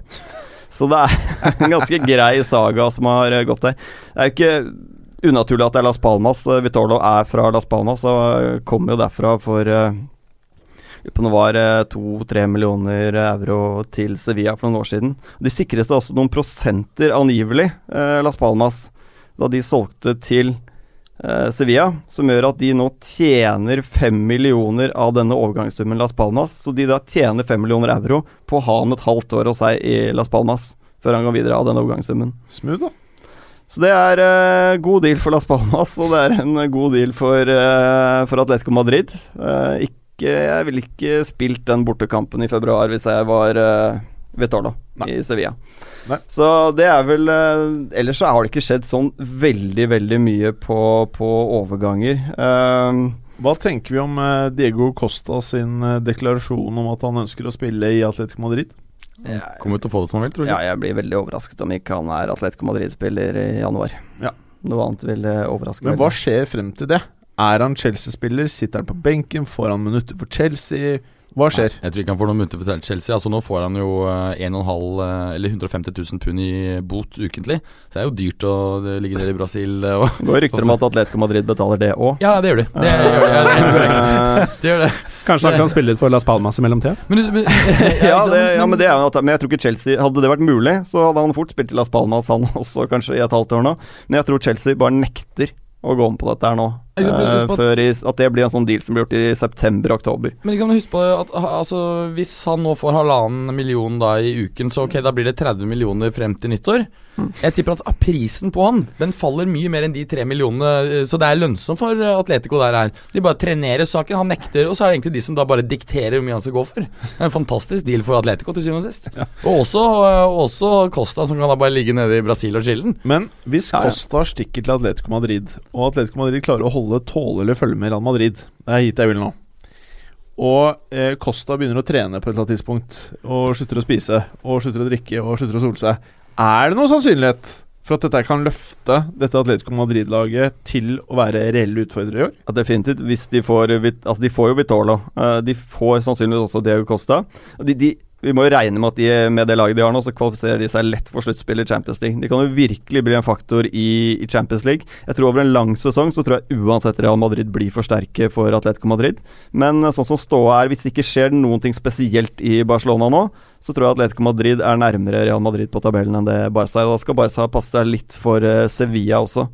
Som, uh, som har gjort en Etter at San Paoli stakk, så har de fått uh, Berizzo inn på trenerbenken. Også argentinsk, ung. Uh, Bielsa-filosofien. Så det er jo en veldig rett mann til å videreføre dette her. Uh, jeg syns det blir veldig spennende å se Nolito og Navas tilbake i Spania. Se om de kan få komme tilbake på det nivået de var på, da før de ble helt ødelagt i England, begge to. Er det noen spillere, lag, som vi virkelig må se opp for i kommende sesong? Faktisk er jeg litt spent på Valencia. De har fått inn eh, Marcelino som, uh, som trener. Um, han stakk jo veldig sånn plutselig fra Villarreal nå for uh, Ja, det begynner å bli en god stund siden. Uh, men du har jo en Gaia på venstrebekken der som med, med ordentlig ledelse Altså Marcelino er beinhard. Følger du ikke det han sier, så er det rett ut. Uh, så Gaia er en eh, kar med stort potensial som er uferdig. Uh, Joao Cancelo også på høyrebekken er også veldig uferdig, men du ser han har ferdigheter. Du har Medran, tidligere Real Madrid-midtbanespiller, som kan ta noen steg. Santimina i Valencia også. Det er mange unge spillere der som kan ta et løft, altså. Men, men uh, Joao Cancelo kommer jo antagelig til å forsvinne til Inter eller Juve. Og det ligger vel alt at det blir Inter, og, og at uh, Jeffrey Kondogbia går andre veien. Det blir faktisk spennende å se Kondogbia få prøve et annet sted enn Inter, som ødelegger så mye spillere. Fordi Ja. Han var jo et fantastisk talent da vi så han blant annet i Champions League for Monaco for en par-tre sesonger siden. Helt enig. Og så har jeg veldig tro på Joaquin Correa i Sevilla, som eh, var god i fjor. Jeg tror han kan ta ytterligere steg i år. Eh, Sevilla har vel for øvrig også hentet tilbake Ever Banega Ja, eh, fra Inter, når vi er inne på de to klubbene. Så det, og Banega kan også ta et steg, altså. Ja, og han- han- Ja, og han var jo tidligvis veldig god i Spania. Ja, veldig. Så Banega altså, Sevilla har et ganske spennende lag. Altså, jeg tror liksom ikke de har helt stabiliteten til å være med helt hele veien inn, men at de tar en, eh, tar en altså, de, Jeg tror de tar en Champions League-plass, men om de klarer å pushe Barca Atletico, muligens. Ellers så er jo Malaga hentet en uh, kar som ser veldig spennende ut. Emanuel eh, Cecchini fra Banfield i Argentina. Eh, teknisk eh, veldig Altså godt skudd. Eh, litt holdende midtbanespiller, som jeg tror fort kan gå for større summer om et år eller to. Hva blir topp fire i La Liga? Real Madrid, Atletico Madrid, Barca Sevilla. Det er så kjedelig i Spania. Bra. Berger. Ja. Serie A. Mhm. Eh, er vi på vei mot eh, renessanse eh, i Italia? Ja, jeg tror ikke vi er tilbake der Vi man var på, på 90-tallet med liksom de syv søstre som alle var, eh, var eh, knallgode, ikke sant, og en klubb som Parma som vant Uefa-cup osv. Men det er klart, eh, med de investeringene som er pumpet inn i AC Milan nå med de nye kinesiske eierne Det er klart at eh, Ikke la oss snakke om den finansieringskosten de har på der, for det er jo antagelig blodrente. De må inn i Champions League. Hvis ikke så tror jeg det Men er det reell fare for Jeg tenker Det virker jo helt hasardiøst, sånn som de driver økonomisk. Ja. Det altså, ja, ja, ja. Kan Altså, noen ja. forklare helt kort, bare veldig, veldig kort, hva er det som er så spesielt der? Ikke sant, Spesielt er jo at, uh, de kinesiske, eller konsortet som har kjøpt AC Milan, de har uh, lånt pengene av et hedgefond. Uh, og da låner du ikke til veldig lav rente. Altså Jeg vet ikke hva slags gild vi snakker, men, men jeg tipper godt over 10% kanskje 15 eller 20 Uh, og det er klart at Da er du avhengig av at, du, du, at det kaster av seg med en gang. Hvis ikke så, så sliter du veldig. Ehm, så, så de må jo innenfor uh, topp fire. Klart at Fordelen for AC Milan er jo at du nå har fire direkte plasser, og ikke to direkte og én kvalik. Så, uh, så sånn sett så burde de jo kunne greie det. Så kan de kanskje tjene litt på det at Roma har Ja, Roma solgte unna mye spillere, altså. Og de har hentet ganske mye ungt. ikke sant? Monkey, eh, som kom fra Sevilla, er en ny sportsdirektør. Det er også en ny trener i Eusebio, som kom fra Sassuolo. Eh, og det er mye spennende unge spillere de har kjøpt, men det er klart at hvor fort det klikker, det kan at, eh, det kan at Roma faller utenfor topp fire. Ehm, så jeg tror Milan har en god mulighet til å, til å lykkes med topp fire. Jeg er alltid skeptisk til et lag som henter syv-åtte spillere. Mm. Det kan være så gode spillere de bare vil, men mye skal til for at de klikker Ja. fra dag én. Jeg tror det vil gå noen serierunder med ujevne resultater før det kanskje, og forhåpentligvis, da stabiliserer seg nærmere jul. Ja, det, er klart, det du kan kanskje håpe på, er jo at kombinasjonen at de har fått beholdt uh, Donnarumma, og at hun har fått inn Bonucci, det kan kanskje gjøre at selv om det er en del ujevnheter, så kan de holde en ganske tett bak. Jeg tror ikke de kommer til å renne er min. ja, ikke sant? Jeg tror ikke de kommer til å, jeg tror ikke de kommer til å renne inn bakover, selv om det tar tid å spille inn det offensive spillet. Men dersom det um, skulle være sånn at de bruker en del tid på å klikke, men at de faktisk klikker innen si oktober-november, så er det jo ikke utenkelig at Juventus også sliter litt med å komme i gang, som det jo har vært tilfellet et par sesonger. Og da har du spenning utover vinteren og forhåpentligvis helt ut, altså. Ja, nei, Det er akkurat det jeg også tror eh, kommer til å skje. Det er en del nye spillere i Juve, og dessuten så vet man at Allegri er litt sånn halvslack på starten av sesongen og bare prøver så mye. Altså, Husker med Dybala. Så Spilte jo helt ræva for to år siden, lå vel nede på en 10.-8.-9.-plass. Men Dybala nei, han skulle jo fa fa faen ikke spille. Og Med en gang de satte han, så vant de jo eh, masse kamper og endte opp med å vinne ligaen. Og det er jo litt der du så med mm, i, i denne supercupfinalen at det er lite engasjement, Kedira virker slapp, og treningskampene sier jo italienske lag alltid faen. Så det er, det er sånn det er en tankskip som tar litt tid å få i gang. Dybala, for øvrig, eh, bare skyte inn, mener jeg er eh, den beste, eller nærmeste like for like-erstatningen til Neymar for eh, Barcelona i fotball i dag. Det er ikke jeg enig i, for han er, kan ikke spille den rollen. Men det er, ikke, det er ikke nødvendigvis det jeg mener. Jeg mener en ung kar, skårer masse mål, er kreativ, kommer til å funke med Messi, kommer til å funke med Suárez. Absolutt. Men du må, Og- og- må og du- Og poenget med de andre gutta er du kan sjonglere. De gutta, Messi kan jo sjonglere. Han føler jeg kan spille meste. Mm. Kan Ja, spille overalt, han. Og jeg, klar, jeg tror du klarer å sjonglere de tre gutta på topp der, hvis Dybala hadde gått dit på en, eh, på en fin måte. Jeg også tror for så vidt det, men det er klart at han er ikke Altså, han er jo venstrebent. Uh, han må i så fall trekkes ut på høyreving, så han kan dra inn i banen og skyte. Han skal liksom drive og legge Men moderne spillere har jo en tendens til Ja, å skifte sider Ja da. og fungere godt, da. Det er Men mer jeg, fluid nå enn det var før. Hvor det var en klassisk 4-4-2 hvor var det høyreving, så var det høyreving. Ja, ja, ja. Men Det det, det, det er klart at altså, jeg, har, jeg har stusset litt over at ikke Barcelona har vært mer på uh, Dybala. Og, for jeg tror også Dybala ville ha ønsket da å spille med Messi. Samtidig så virker jo Dybala nå ekstremt dedikert til Juve. Han har fått nummer jeg syns ti-drakten. uttalelsene hans i media har vært veldig positive for Juventus. en Ja, ja, ja. han virker superålreit. Og jeg tror akkurat som med Pogba Juventus virker som et sted hvor gutta kan være ganske så lenge før det er noe ønske om å dra. Ja, ja. Og, og helt ærlig, hvorfor dra fra Juventus til Barcelona akkurat sånn som det er nå? Jeg er helt enig. Juve sitter antagelig på bedre kort på hånden over de neste Altså på kort sikt enn en, en Barca. Spesielt med tanke på at Barcelona også har dette problemet med at de skal finansiere en oppgradering av stadion. Det er litt sånn at de, Hvor skal de bruke pengene? De har prioritert å gi Messi en ny dyr kontrakt. Kommentatoren har jo ment at de har tre ting de bruker penger på. Det er å oppgradere stallen, ny kontrakt til Messi og fikse stadion. Men at de har bare råd til to av tingene.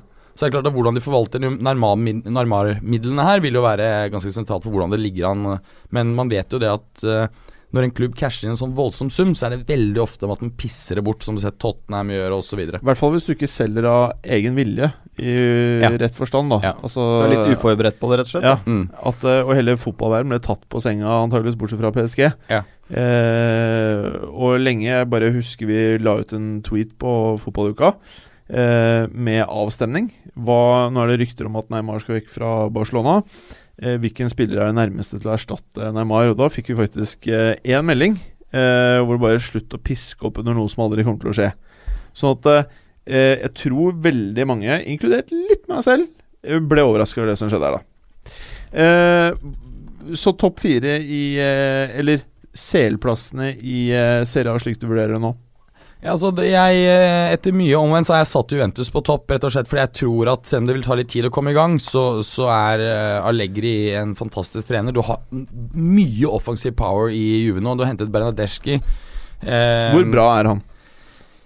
Eh, han, er, han er veldig bra, et stort talent. Eh, jeg er ikke så psycho at jeg som sto i bro av det. Eh, den jeg fortsatt venter på, er jo Keita Balde Diao fra Lazio. Som jeg Mm. tror kommer for en herlig sum på 15 millioner euro. Det er i så fall det beste overgangen denne sommeren. Men en ting som eh, bør eh, gjøre deg litt kram angående Bernardeschi, er jo at han har jo et av de mest italienske navnene jeg noensinne har hørt, og han har elegansen på banen til å leve opp til navnet. Eh, han kommer til å gjøre mye vakkert på uh, Det tror jeg også er en veldig, veldig fleksibel spiller. Han kan både spille høyreving, venstreving, nummer ti, og også spiss. Så mm, ja, det blir veldig spennende. Jeg føler at han er sånn klassisk Juve-signing som varer ett til to år. Og så er det boff ut til Westham eller eh, et eller annet sånt. Tror du det? Ja. Sånn derre Angel han Ogbonna-style? Nei, det tror jeg ikke. Man har brukt ganske mye penger her. Så jeg, jeg, jeg, jeg tror faktisk at det kan bli ganske bra. Ja. Men, eh, men jeg er om at jeg, i forhold til det jeg har sett av han, og han er elegant, så er det som mangler litt sånn sluttprodukt. At, det, liksom, at, plutselig- at han scorer liksom 20 mål i, i sesongen. da Og så er det den hvite elefanten som vi liksom bare har nevnt. Bonucci?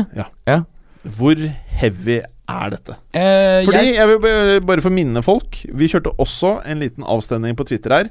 Hvilken overgang var mest eh, skadelig for selgende klubb av alle som var gjort? Og da var Neymar gjort, Bonucci var gjort, og Bonucci var eh, den verste, det verste salget, mente folk, da.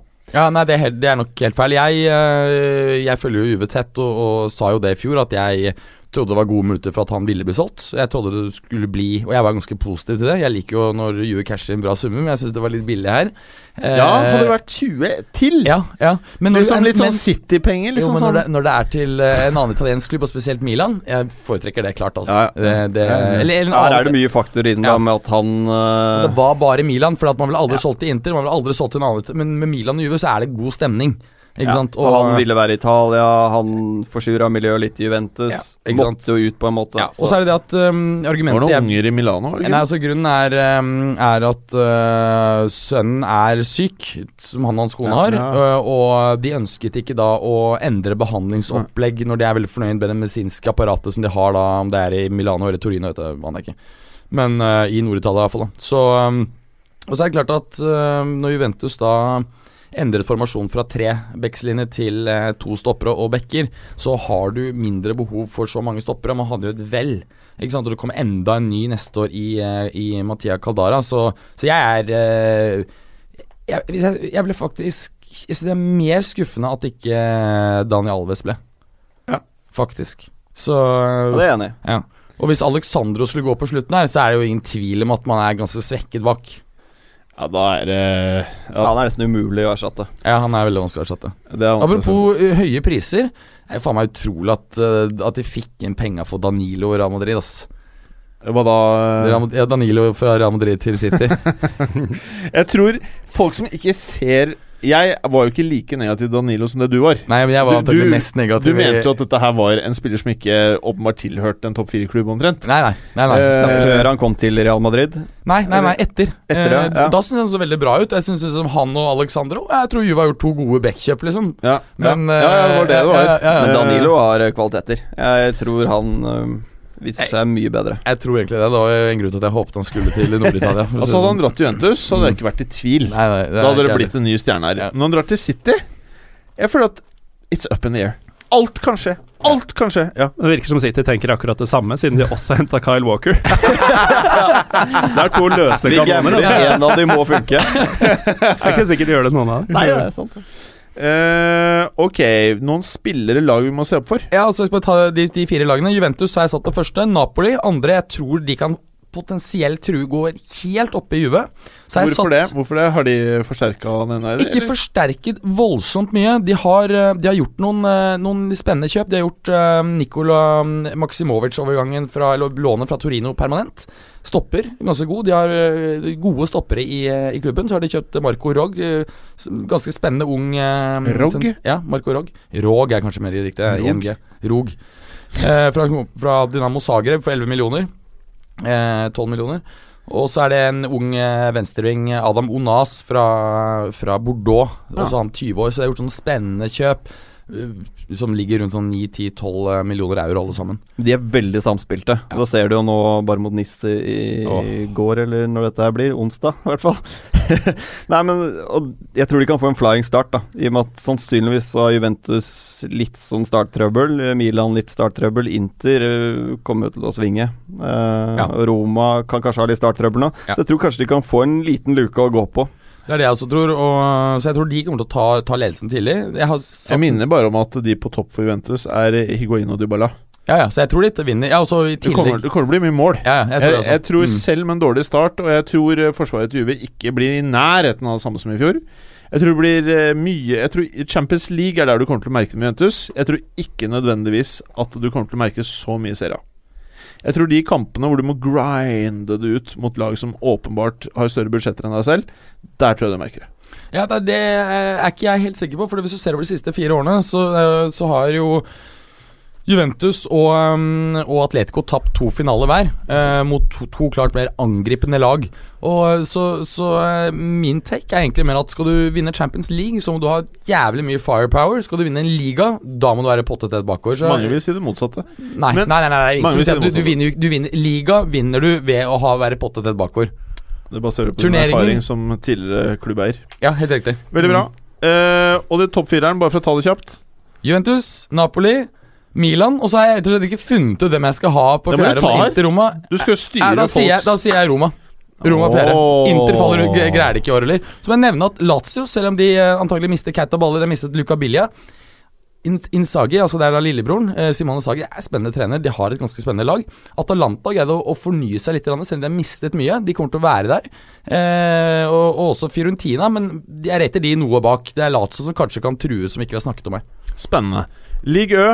Vi må dessverre være litt raske med den franske ligaen, på tross av at de har fått verdens dyreste spiller. Hvordan ser eh, dette dyre PSG-laget ut, og det hardt svekkede Monaco? Unai Emery er fortsatt der, da. Noe som tyder på en eh, viss uh, level-headedness hos uh, sjeikene. Den så jeg egentlig ikke komme. Men de har egentlig vært ganske sånn snille med trenerne. Ganske. De har for så vidt det, men Blad leverte jo tilsynelatende det han kunne levere med det laget, og det var ikke nok. men så har de da brukt hva blir det, hele statsgjelda til Liberia på å hente én spiller, som ikke er samme level-headed, nesten. Nei.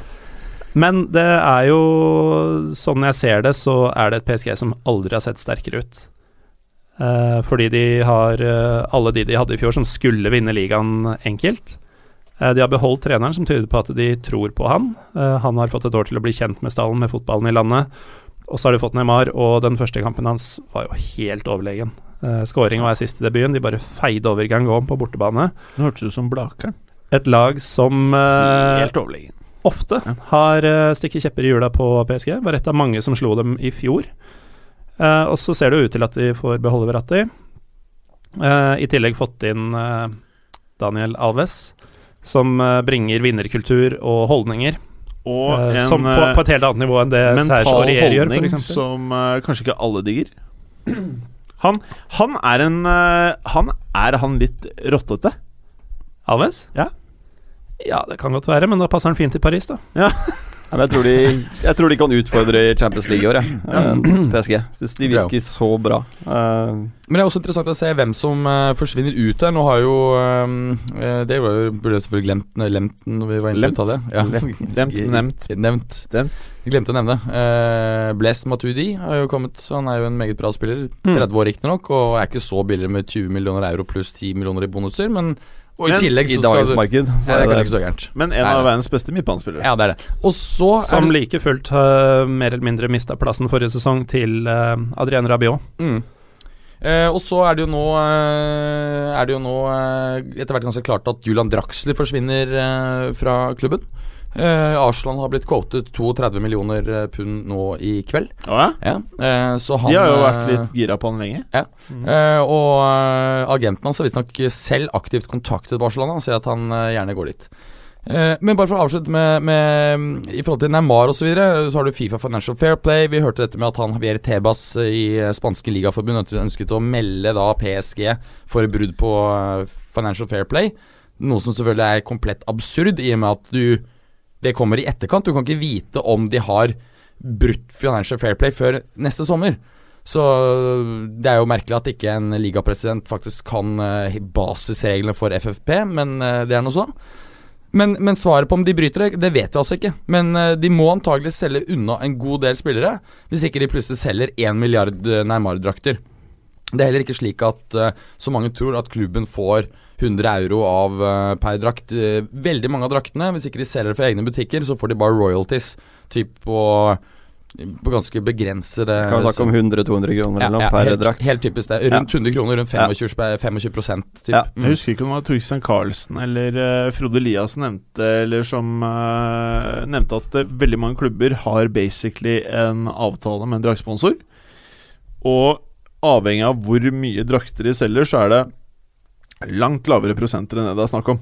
Så eh, Du tjener ikke mye på draktsalg. Eh, Det er i hvert fall eh, For dette Sånn jeg har forstått det, da. Ja. Så må vi spørre noen som er langt mer kyndig på dette området enn veldig mange i Norge, for så vidt. Men sånn jeg har forstått det, så uh, f.eks. med Adidas eller Nike, så er det gjerne slik at hvis du henter inn høyprofilerte spillere, så kan du få eh, fornyet kontrakten typ. At eh, du har egentlig tre år igjen av Adidas-kontrakten eller Nike-kontrakten. Så forlenges den med syv år, hvor du baker inn at eh, Neymar nå plutselig spiller i ditt kit, eller at du nå plutselig har Paul Pogba i Manchester United. Eh, og så er det på den måten at du faktisk priser inn en ny spiller, og hva han angivelig vil bidra i av draktsalg. Sånn at det at når man sier sånn Ja, Beckham tjente inn et eller annet Jeg vet ikke, den, du vet den klassiske. Ja, det var tjent inn på en uke eller et eller annet Mm. i Kina. Eh, jeg har aldri prata med noen som kan vesentlig mer om fotball enn meg selv, som har eh, sagt at det er tilfellet. Nei, jeg tror det, det er mer en indirekte Ja, greie. helt riktig, Eh, ikke sant? At det bakes inn i kontrakten, men, men at du får et uplift. Men det er ikke direkte gjennom at uh, du får kroner for hvert salg. Det er en ganske lav royalty. Som Helt riktig. Mm. Vi må prate litt om Monaco også, vel. Uh, Kjæledeggen fra i fjor. De har jo, uh, som for to år siden, blitt relativt voldtatt på markedet. Uff da. Eh, ikke så ille som man kanskje kunne frykte dersom Mbappé blir, men eh, de ser jo vesentlig svekka ut. Og i god Monaco-ånd Dette minner jo veldig om for to år siden, da de måtte selge unna rubbel og bit. Eh, endte opp med å ta en tredjeplass, og så utfordre til de grader igjen forrige sesong. Eh, de har henta eh, Jori Tilemans, både relativt billig og litt under radaren. Rart at det ikke var større rift om han. Eh, Helt enig. Foreløpig så er det Fabinho og Motinho som har starta sentralt, men jeg vil tro at Tilemans vil fases inn eh, i løpet av sesongen. Det er i så fall en sterk trio, selv om Bakayoko er borte. På venstreback så er den nederlandske seriemesteren Terence Congolo kommet inn for uh, Mendy. Umulig å si hvordan det vil gå, men uh, scouting kan de.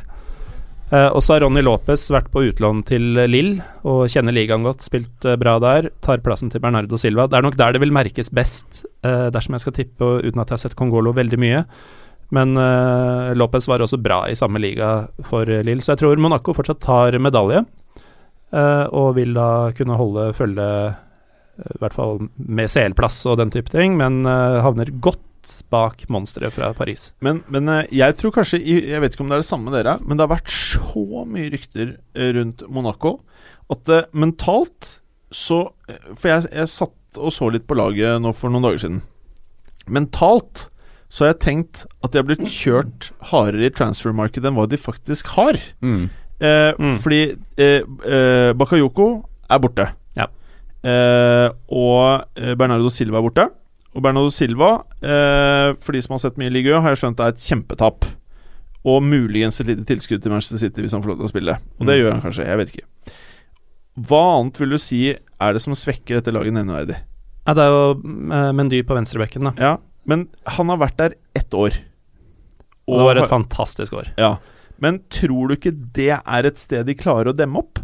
Jo, og nettopp derfor, så uten at jeg kjenner Kongolo veldig godt, Mm. så tror jeg de vet hva de gjør. At de har eh, funnet rett type til fotballen Skjerdim vil spille, og at det Uh, i hvert fall i ligasammenheng vil gå relativt smertefritt, og så Mm. vil det kanskje merkes bedre i Champions League. Eh, og så har de også solgt unna, men det var mer et salg som de kunne gjøre fordi Mbappé tar plassen hans uansett, men de har solgt uh, Valère Germain til eh, Marseille. Så er, er det kanskje lov å være så gæren og si at dette her ikke egentlig ser så ille ut, og at Monaco vet jævlig godt hva de driver med? Ja, det ser absolutt ikke ille ut. Eh, de kommer ikke til å vinne ligaen, Nei. men de kommer til å ta en andre-tredjeplass. Og kommer til å bite godt fra seg, og kommer til å posisjonere seg til å For dette er unge spillere som de erstatter med. Eh, de prøver å bygge opp en ny runde med det de hadde sist sesong. er det lov å si at de kanskje er verdens beste på det de driver med akkurat nå? Ja, det tror jeg. Men kan jeg bare, apropos eh, Monaco og Mbappé. Eh, Madrid-ryktene ser ut til å måtte ha gått litt over nå, og det er ikke mye der. Er, kunne han ha Altså, han kan jo både spille spiss og litt trukket til venstre. Hvorfor har ikke han vært Ja. Nå er han ikke i troppen til Monaco i morgen, når de møter Metz borte. Det er jo ofte et tegn på at uh, det er ikke 100% sikkert at han er i, i Monaco neste sesong, da. Så Og hvis de får 200 millioner eller 180 eller hva det er snakk om, ta de pengene. Mm. Og ja, Barca kan finne på å slenge altså, 200 mil på bordet nå, Altså, ta de når de blir pengene. despe. Det er én Mm. sesong som har vært fantastisk for en 18-åring. Ta pengene, og så sitter en annen klubb der med et problem, tror jeg. Men gjør de det, så har de veldig kort tid og må ha en krystallklar plan på å hente inn i hvert fall én spiss. Fordi eh, hadde de fortsatt hatt Germain, så kunne de gått Ja. til sesongen noenlunde som de gjorde til forrige. Da var jo ikke Mbappé en starter. Uh, men eh, dersom Mbappé går nå, så er det kun én klassespiss. En fyr som vi veit kan bli ordentlig skada ganske ofte. Uh, og de spiller jo med to. Et av ganske få lag som spiller Hva med 4-4-2. seks måneders lån på Diego Costa? Diego Det har vært en fantastisk løsning Ja, for en dem, liten faktisk. seksmåneders. Han og Falcao, gamle duoen i Atletico Madrid. Mm. Det må jo bli helt vilt. Ja. Sitte på yachten, hilse på Berbatov Eh. eh. Men ikke en typisk eh, nåværende Monaco-signering, da. Nei. Men kanskje akkurat det de trenger. Ja, på ingen måte. hilse på Berbatov? Bor han der? Nei, men han har en yacht der, har jeg skjønt. Ja, okay. Så han eh, ferierer da mye Skal til India nå. Sammen med Hva heter han? han West Brown. Å ja, West Brom. Lever han ennå? Kan jeg smått nevne et par lag til? Ja. Uh, Marseille tror jeg tar den tredje plassen. Mm. Uh, eller det vil si Med eller uten juks. Det spørs hva du legger i juks. Ikke sånn 1993 Bernard Tapie-juks, Nei. Eh, men de Nei. Men uten Altså, ting som forandrer seg på et år. Ja. Det var jo en kaosklubb uten like. eh, i Det har vel alltid vært litt den dynamikken i den klubben Det var en kaosby. Eh, en kaotisk og kriminell, korrupt del av Frankrike. Mm. Men de har nå den nye amerikanske eieren eh, McCourt, og de har sportssjefen Zubizarreta. -hmm. Dyktige folk, tydeligvis. De har henta forsterkninger i alle ledd i sommer. Kan du ta noen? For det kan være litt spennende. Mandanda er tilbake. Ja. Eh, Er det en bra ting? det, han er eh, Marseille-gutt og en av Frankrikes beste keepere. Ja. Og følgelig en av ligaens beste keepere. Ja. Adil Rami. Eh, Er det en bra ting? Tidligere, ikke så veldig lenge siden, landslagsspiller for Frankrike. Vil være en god stopper i ligaen. Ok. Uh, Luis Gustavo. Bra ting. ok. Og Baler Sherma. Og dette er da strålende tilvekster i et allerede spennende lag. Vi må huske at de henta Evra og Paillet i vinter. Uh, og i tillegg til en del mindre kjente spillere, Morgan Sanson. Uh, de har mannen med det morsomste navnet i hele fotball-Europa. William Vancœur. Greit. og så har vi jo et uh, Lill ledet av Marcelo Bielsa. Mm. Relativt ukjente spillere, Er han de der skal når spille Bielsa-fotball. Det Er er han der når ligaen starter? Ja, eh, det jeg kødder ikke. Eh, Bundesliga er faktisk den femte feteste. Eh, liga er faktisk fetere, liksom. Når du, har, når, når du har Bielsa, så er det, blir det jo spennende nå som og han Garcia i, i Marseille på en måte har fått litt mer kjøtt på beinet i den stallen. Så det, det, det er jo en del spennende elementer i den, i den ligaen, altså. Og Lyon, da. Eh, uten Lacassette, uten Tolisso og uten Maxim Gonalot. De får ikke topp fire. Mm. Men hva er det Lyon driver med, da? Har de gjort noe som helst smart? Nei. Nei. Fordi de er jo egentlig en klubb som har vært ganske flinke på mye, Mm. uh, men ikke nå, altså. Nei, nå skal de tydeligvis lene seg på Memphis Depay, Ja. og det er jo ikke lurt. Men Mariano har fått en bra start her, da. Med tre skåringer på de to første. Som liksom skal ta over etter Lacassette. Uh, han er ikke på samme nivå i det hele tatt, uh, syns jeg. Men uh, Nei, kan men det funke. Brukbart, i hvert fall. Han er jo på, han er jo jævlig i rute på å skåre flere spillemål enn Lacassette, i hvert fall. Det kan man si. Mm. Ehm, er det noe Er det noen spillere Er det noe som skjer i Frankrike som uh, kanskje går litt under radaren, som vi burde se opp for? ikke som ikke er nevnt, egentlig. Det er jo det at eh, flere av disse lagene har jo nye eiere, eh, da hovedsakelig Lille og Marseille, og vil nok ta store steg denne sesongen, og vil i framtiden, muligens i hvert fall Marseille, kunne utfordre Monaco og kanskje til og med PSG dersom de skulle miste noen eh, nøkkelspillere i framtida. Ok, nå må jeg bare ta en ting som ikke står i sendeskjemaet, dere karer. Vi prater jo veldig ofte om eh, ligaer. Eh, hva er de sterkeste ligaene? Hvem, eh, hvem kommer til å ha dominans i Champions League? Eh, helt kort, før vi skal over til Premier League. Eh, hvis vi skal, Nå prater vi om Lenge så har vi sagt topp fire ligaer. Nå prater du, eh, Berger, om topp fem. Og det betyr jo at med kjøpet til Neymar så på en eller annen måte har dette eh, konsortiumet klart å sette Altså, de har bare tvunget oss til å måtte forholde oss til Frankrike som en reell toppliga. Føles det ut som, da. Så jeg tenkte, skulle vi ta en runde? Hva ville da rangeringen vært fra den beste ligaen, hva vi anser som å være de beste lagene i Europa, og ned til femteplass? Hva mener, hva mener vi er den beste ligaen i Europa akkurat nå? Ja, det er jo uten tvil La Liga. Ja. La Liga er et Langt, lite hestehode eller to foran ja. de andre. Ja. Men jeg sliter litt med å plassere resten, altså. Jeg er Jeg er helt enig. enig, det er vanskelig. Jeg heller nå mot uh, Italia, faktisk, på andre, personlig. Men det, det blir veldig mye følelser i dette. Hva slags fotball man liker, hva man kanskje ser mest på. Men uh, Det, jeg, kan, jeg kan si for min egen del det jeg ofte må gjøre, at noen ganger må jeg bare eh, distansere meg fra medier og hva jeg ser mest av fotball selv. For jeg ser mest Premier League, og det er det jeg har mest i trynet hele tiden. Men med en gang jeg bare fokuserer bare, bare begynner å tenke over lagene, tenker over spillerne, og glemmer at i England så kjøper man en decent spiller for 40 pund. Ja, ja. Eh, med en gang du glemmer det, og faktisk begynner å se på kvaliteten, så blir jeg vel For hvert eneste år så føler jeg vel egentlig at ligaen kanskje bare er stagnert. Ja, den- står stille, for de, de gjør jo ingenting for å utvikle seg. Kjøpe ferdig.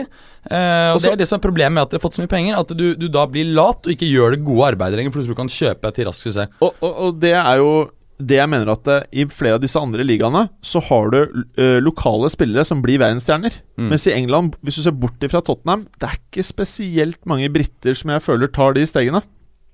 Så hva, hvis vi skal si en eh, liga, hva er nummer to?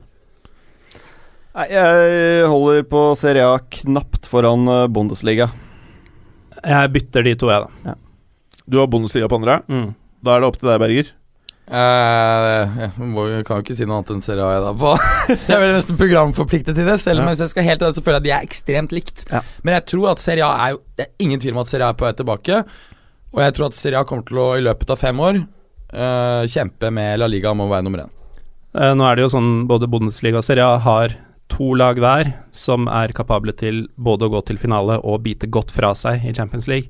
Eh, som det har vært de siste årene, i hvert fall. Så sånn sett er det veldig likt. Og så er det Når vi først sier det, akkurat sånn det ser ut nå, eh, hvis man ser på troppene, så er jo lag tre og fire i Italia nok sterkere enn de tilsvarende i Tyskland. Det er de man nesten må se på. da Lag nummer fire, fem, Mm. seks i ligaen opp mot hverandre. Det er det som sier mye om styrkeforholdet.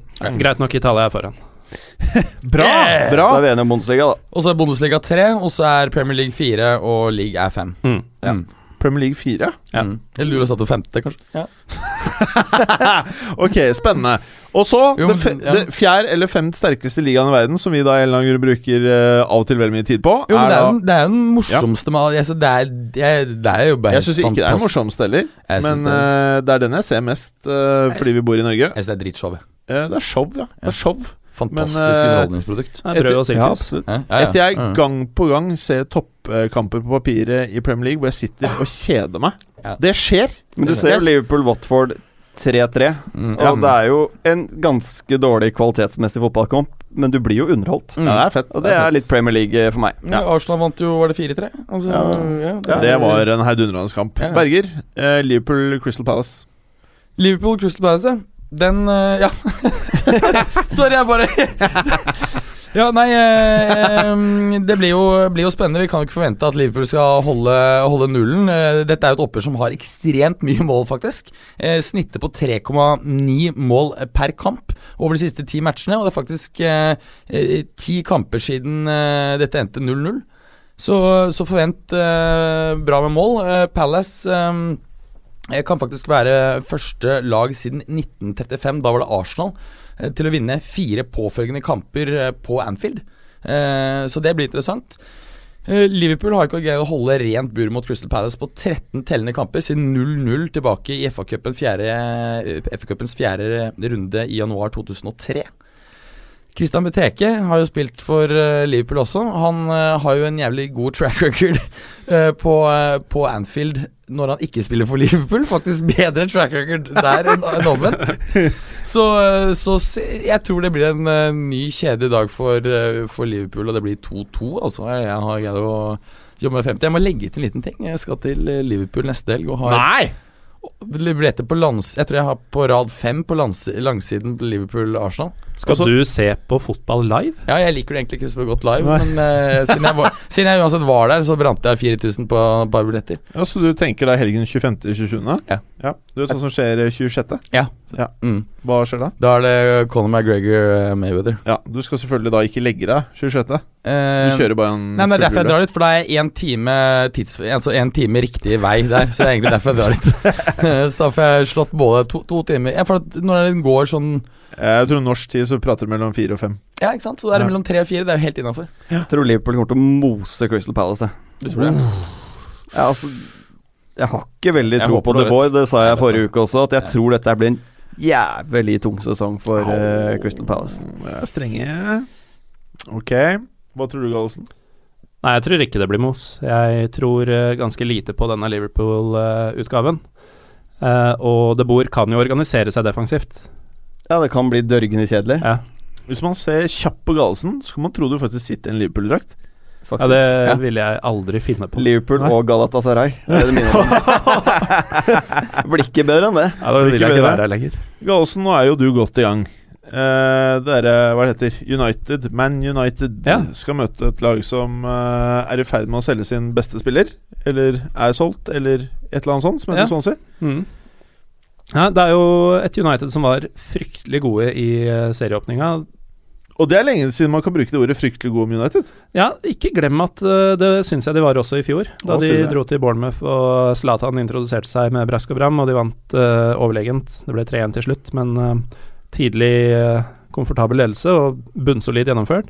Folk sier at dette var den beste kampen under Mourinho, og noen sier til og med at den beste United-kampen siden Ferguson. Uh, vi må ikke glemme det at de møtte et lag som var fullstendig på bærtur. Og man kan også nevne hjemmekampen mot Chelsea forrige sesong, og i van Hals andre sesong, tror jeg vel det var, hvor de moste inn fire mål på City.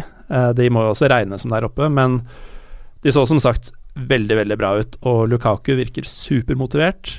Eh, definitivt klar for å, for å ta den rollen. Mkhitarian, allerede dobbelt så mange assist i PL denne sesongen som i forrige. Han hadde én i fjor. Og så er det spillere som du ikke helt vet hva du skal forvente fra. Eh, Rashford og Martial, som begge var veldig friske og gode. Så det er tydelig at eh, United er eh, klare for sesongen. De er godt trent, og de ser ut til å ha prikka inn formen allerede. Noe som vi har sett andre Manchester-lag gjøre på denne tida tidligere, for så å falle av. Men Pogba også syns jeg virka frigjort av at, som spådd av fotballuka i forrige uke, av at eh, den eminente Matic tok plass eh, på midtbanen der. Og bokstavelig talt tok plass på midtbanen. Det var ikke noe rom for uh, Westham å spille i. Um, Det føles nesten ut som Matic er Uniteds viktigste spiller, basert på én kamp. basert på én kamp. Jeg er helt enig. Men uh, det, det så nesten litt ut som den Chelsea-vinden som feide over motstanderen i, motstanderne i begynnelsen av Mourinhos forrige andre sesong. Uh, da husker jeg også de bare enkelt og greit måka til uh, lag som tidligere ville gitt uh, trøbbel for dem. Og Swansea er jo et lag som, uh, som ga trøbbel for United i flere år. Det var vel uh, tre tap på rad i sin tid. Nå har de vunnet to av de tre siste mot dem. Lagene holder aldri null mot hverandre, så jeg tipper to eller 3-1 til United. Preben, dette her blir jo eh, Må jo si at eh, det her kan bli et eh, ganske så kult oppgjør. I hvert fall eh, på papiret. Tottenham-Chelsea. Ja, det er jo første ordentlige testen. da Eller ikke første gang de er på Wembley, Tottenham, men uh, i hvert fall første gang de skal bruke den som hjemmebane i Premier League. Jeg har lest noen litt um, rykter jeg ikke kan uh, Ikke har 100 bekreftet, men at de har fått lov å dra inn Wembley noe, som nå kun er én meter bredere enn White Hart Lane. Uh, og kun uh, ja, det er fem meter lenger. Det var Det maks av jo- hva de klarte å dra den inn, så Ganske viktig. det kan jo ha en del å si. For Brynjes var det, jo, var det jo meldt om at det skulle være to meter. Eh, og det er klart at Å kutte den, det kutter ganske kraftig den økte kvadratmeterbildet, eh, som var estimert det skulle være til ca. 545 kva økte kvadratmeter på banen. Ja. Og det Så- kutter jo det nesten ja, en tredjedel, eller nei, nesten halvparten med. Ja, så Hvis det er tilfellet, så, så kan det være positivt. Nå viser det seg at Tottenham skårer jo like mange mål på større baner. Det er jo defensivt de sliter med presset. Ja. Så, men de kunne jo ikke møtt Chelsea egentlig på et bedre tidspunkt enn det de møter dem nå. Det er eh, med Kale ute, Fabregas ute Perfekt. Mm. Eden Hazard og Bakayoko er begge tilbake i full trening, men den kommer nok litt kjapt på begge to, vil jeg tro. Jeg blir overrasket om de i det hele tatt er med i troppen. Pedro, er ikke han også eh, Pedro trente vel eh, heller ikke sist jeg sjekket. Nei. Så det er mye Det er vanskelig jobb for Conte, dette. her. Det er mye trøbbel i Chelsea generelt sett nå. Det er jo Det er jo trøbbel med styret. Han får jo åpenbart ikke de spillerne han vil ha. Eh, Vanskelig Altså, alt er det motsatte av i fjor.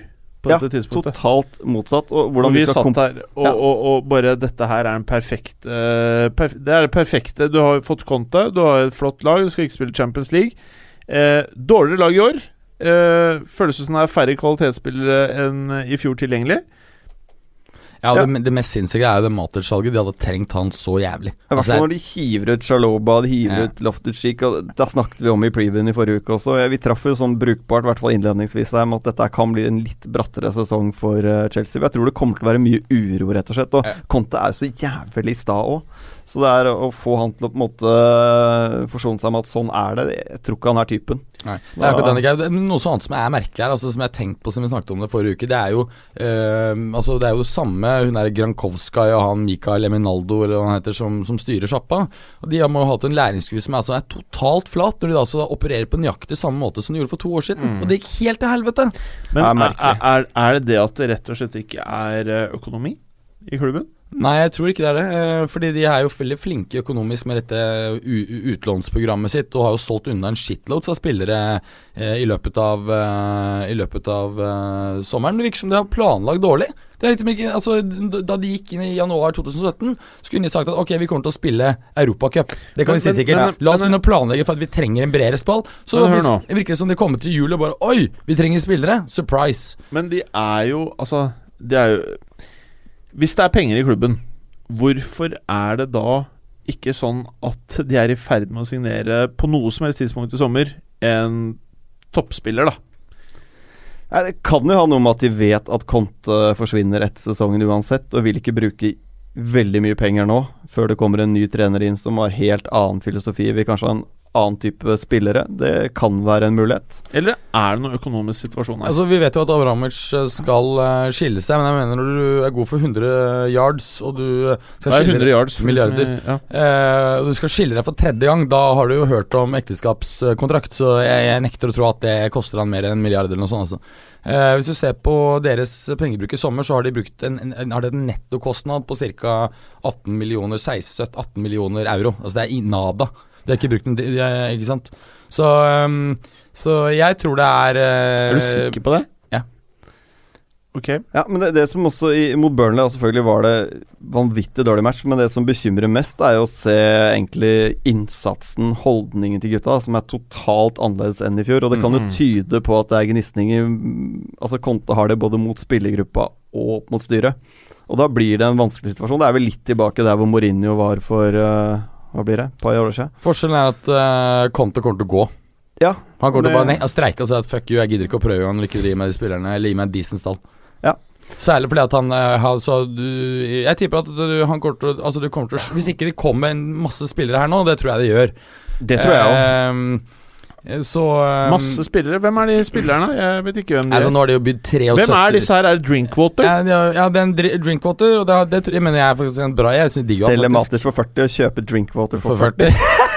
Å kjøpe Drinkwater for 40 når du hadde Loftus-Cheek og Chaloba. Ja, det er helt er Men hvem er det? Jeg forstår ikke hvem er det som skal komme inn. Si noen navn. Altså, de, nå har de bygd, bydd 80 millioner euro, er vel siste budet på Alexandro.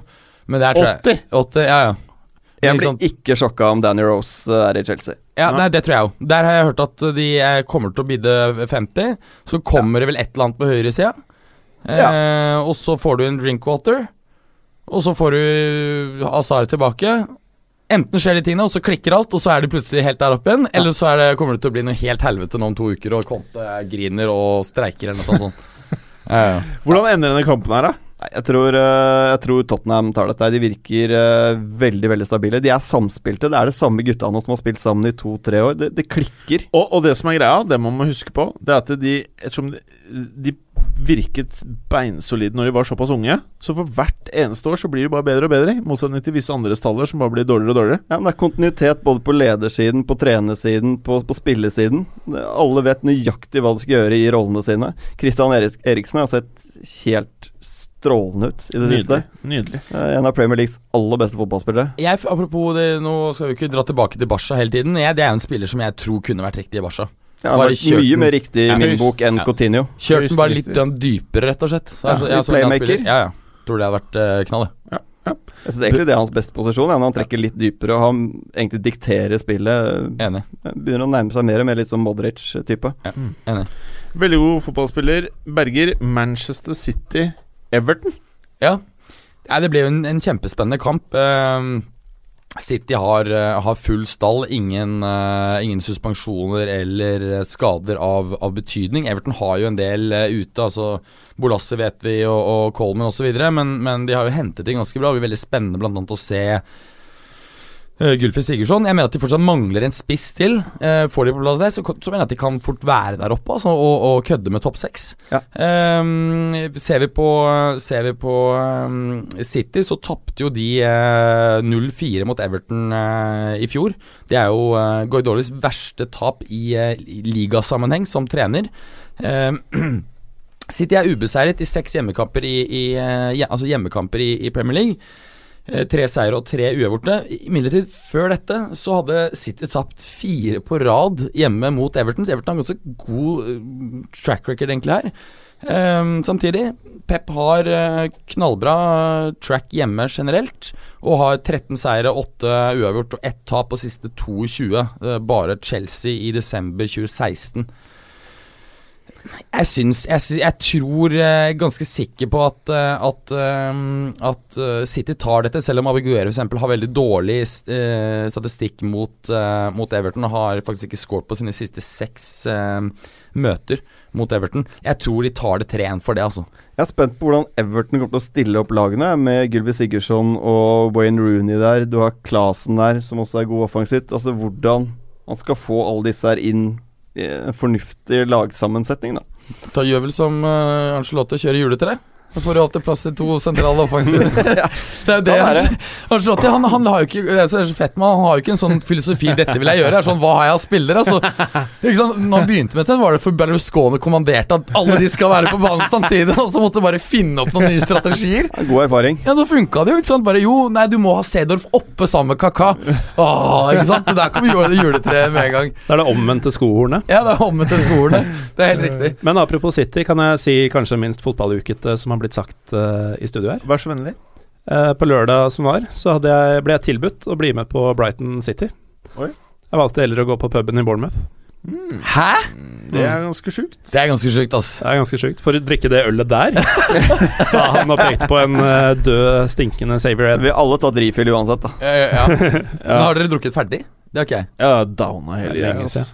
Er det mer? Eh, Ja, mer. Men jeg merker at jeg har lyst på en øl etterpå. Men hvordan ender dette her, da? Eh, 3-1 til City, tror jeg. Å, Men veldig det bra. kan bli 3-2. Altså, Det kan bli 3-2. Ja, men eh, Det blir 3-1. Ja.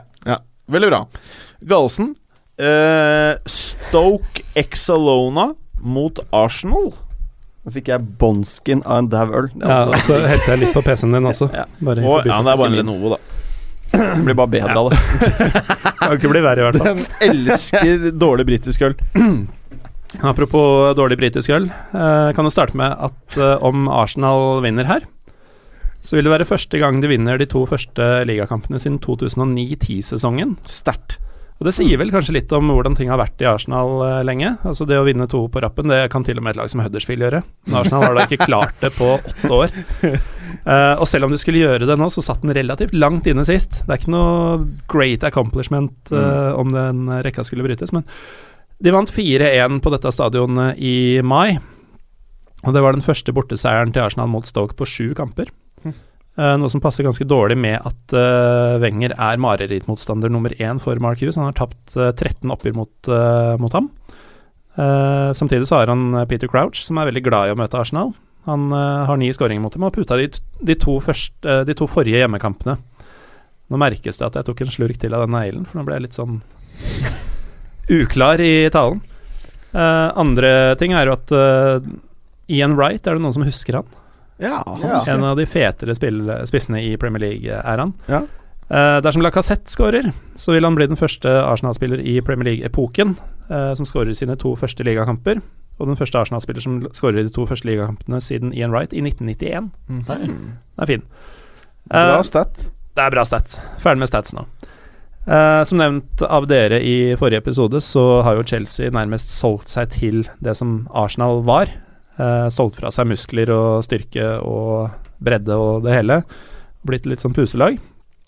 Eh, Arsenal føler jeg egentlig har fått litt mer tann. Mm. Litt mer sånn beinete spillere, i og med at de nå har Jaka, som jeg vil tro vil få en bedre andre sesong. Han Jeg tror han kommer til å gjøre det kjempebra. ja, og det så også veldig bra ut fra hans side mot Leicester i åpninga. Eh, han kommer til å tøffe seg skikkelig, og det samme kommer eh, selvfølgelig Siad Kolasjnats eh, til å gjøre. Maskina på venstrebekken. Så jeg tror at Stoke det, de kommer til å spille tøft. Jeg tror Arsenal faktisk kommer til å svare med å spille mye tøffere enn vi er vant til å se dem. At det blir en litt sånn knoklete Arsenal-kamp. Eh, så blir det intenst, og det ender uavgjort. Bra. Men Arsenal viste jo nå i serieåpningen at de sliter jo fortsatt defensivt. Altså Det er jo ingen endringer der. De, jeg tror de kommer til å slippe inn altfor mye mål til at de klarer å utfordre helt om uh, tittelen i år. Men Stoke kommer ikke til å skåre spesielt mye mål. Fått Jesse Rodriguez, da. Stoke kommer altså ikke til å skåre spesielt mye mål. Det er sjukt. Jeg så Stoke er det laget i Premier League med flest Champions League-vinnere. Ja, De har seks mann eller noe som har vunnet Champions League. Og seks mann som var blant Ja. de som bidro minst på Ja. de lagene de vant Det er helt Ja. korrekt. Bojan Shakiri eh, Hesse Ja. Uh, Affelai. Ja, nettopp. Uh, Ikke sant? Affelai Muniesa. Ja. Mm. Darren Fletcher. Darren Fletcher. ja. Mm. Hvordan eh, endte dette, sa du? Uavgjort i form av Eh, 1-1. 1-1. Veldig bra. Og med det så må vi si at vi er eh, ferdige for i dag. Ja, men kan bare én ting fort eh, rundt, eh, rundt Arsenal og, og, og um, Sanchez. Jeg har liksom feeling nå at det de blir ikke noen overgang der. Eh, Arsenal la hele kontrakten løpe ned. Jeg tror han kommer til å også synes det er greit, og han kommer til å gi gass. Og jeg tror faen meg det er den riktige avgjørelsen for Arsenal, fordi det får dem tilbake i Champions League, som vi har uh, spådd. Ja. Tror, du- tror du ikke det? Jo, Helt enig. Mm. Det er ikke noe å tenke på. Og det kommer til å bli, kan bli ganske mye fint spill med Lacassette, og, og det, det blir moro å se. Få en Draxler Jeg gleder meg, det det gleder mest Draxler, så blir det et sykt Ja, offensivt. det blir Ja, lag. Er vi ferdige da? Og det fine med Draxler er at han både neste år kan være eh, den ren erstatter, men han kan også spille andre roller både på høyresiden og henge bak. Så det er, det er eh, Ja. Kan lukte juletre der òg, kanskje. Er vi ferdige da? Ja. Ok, takk for i dag. Takk. Takk. Takk. Takk for at du hadde høre på. Vi er Fotballuka på Twitter, Facebook og Instagram. Følg oss gjerne. Men bare få høre. Den tror jeg blir litt fet.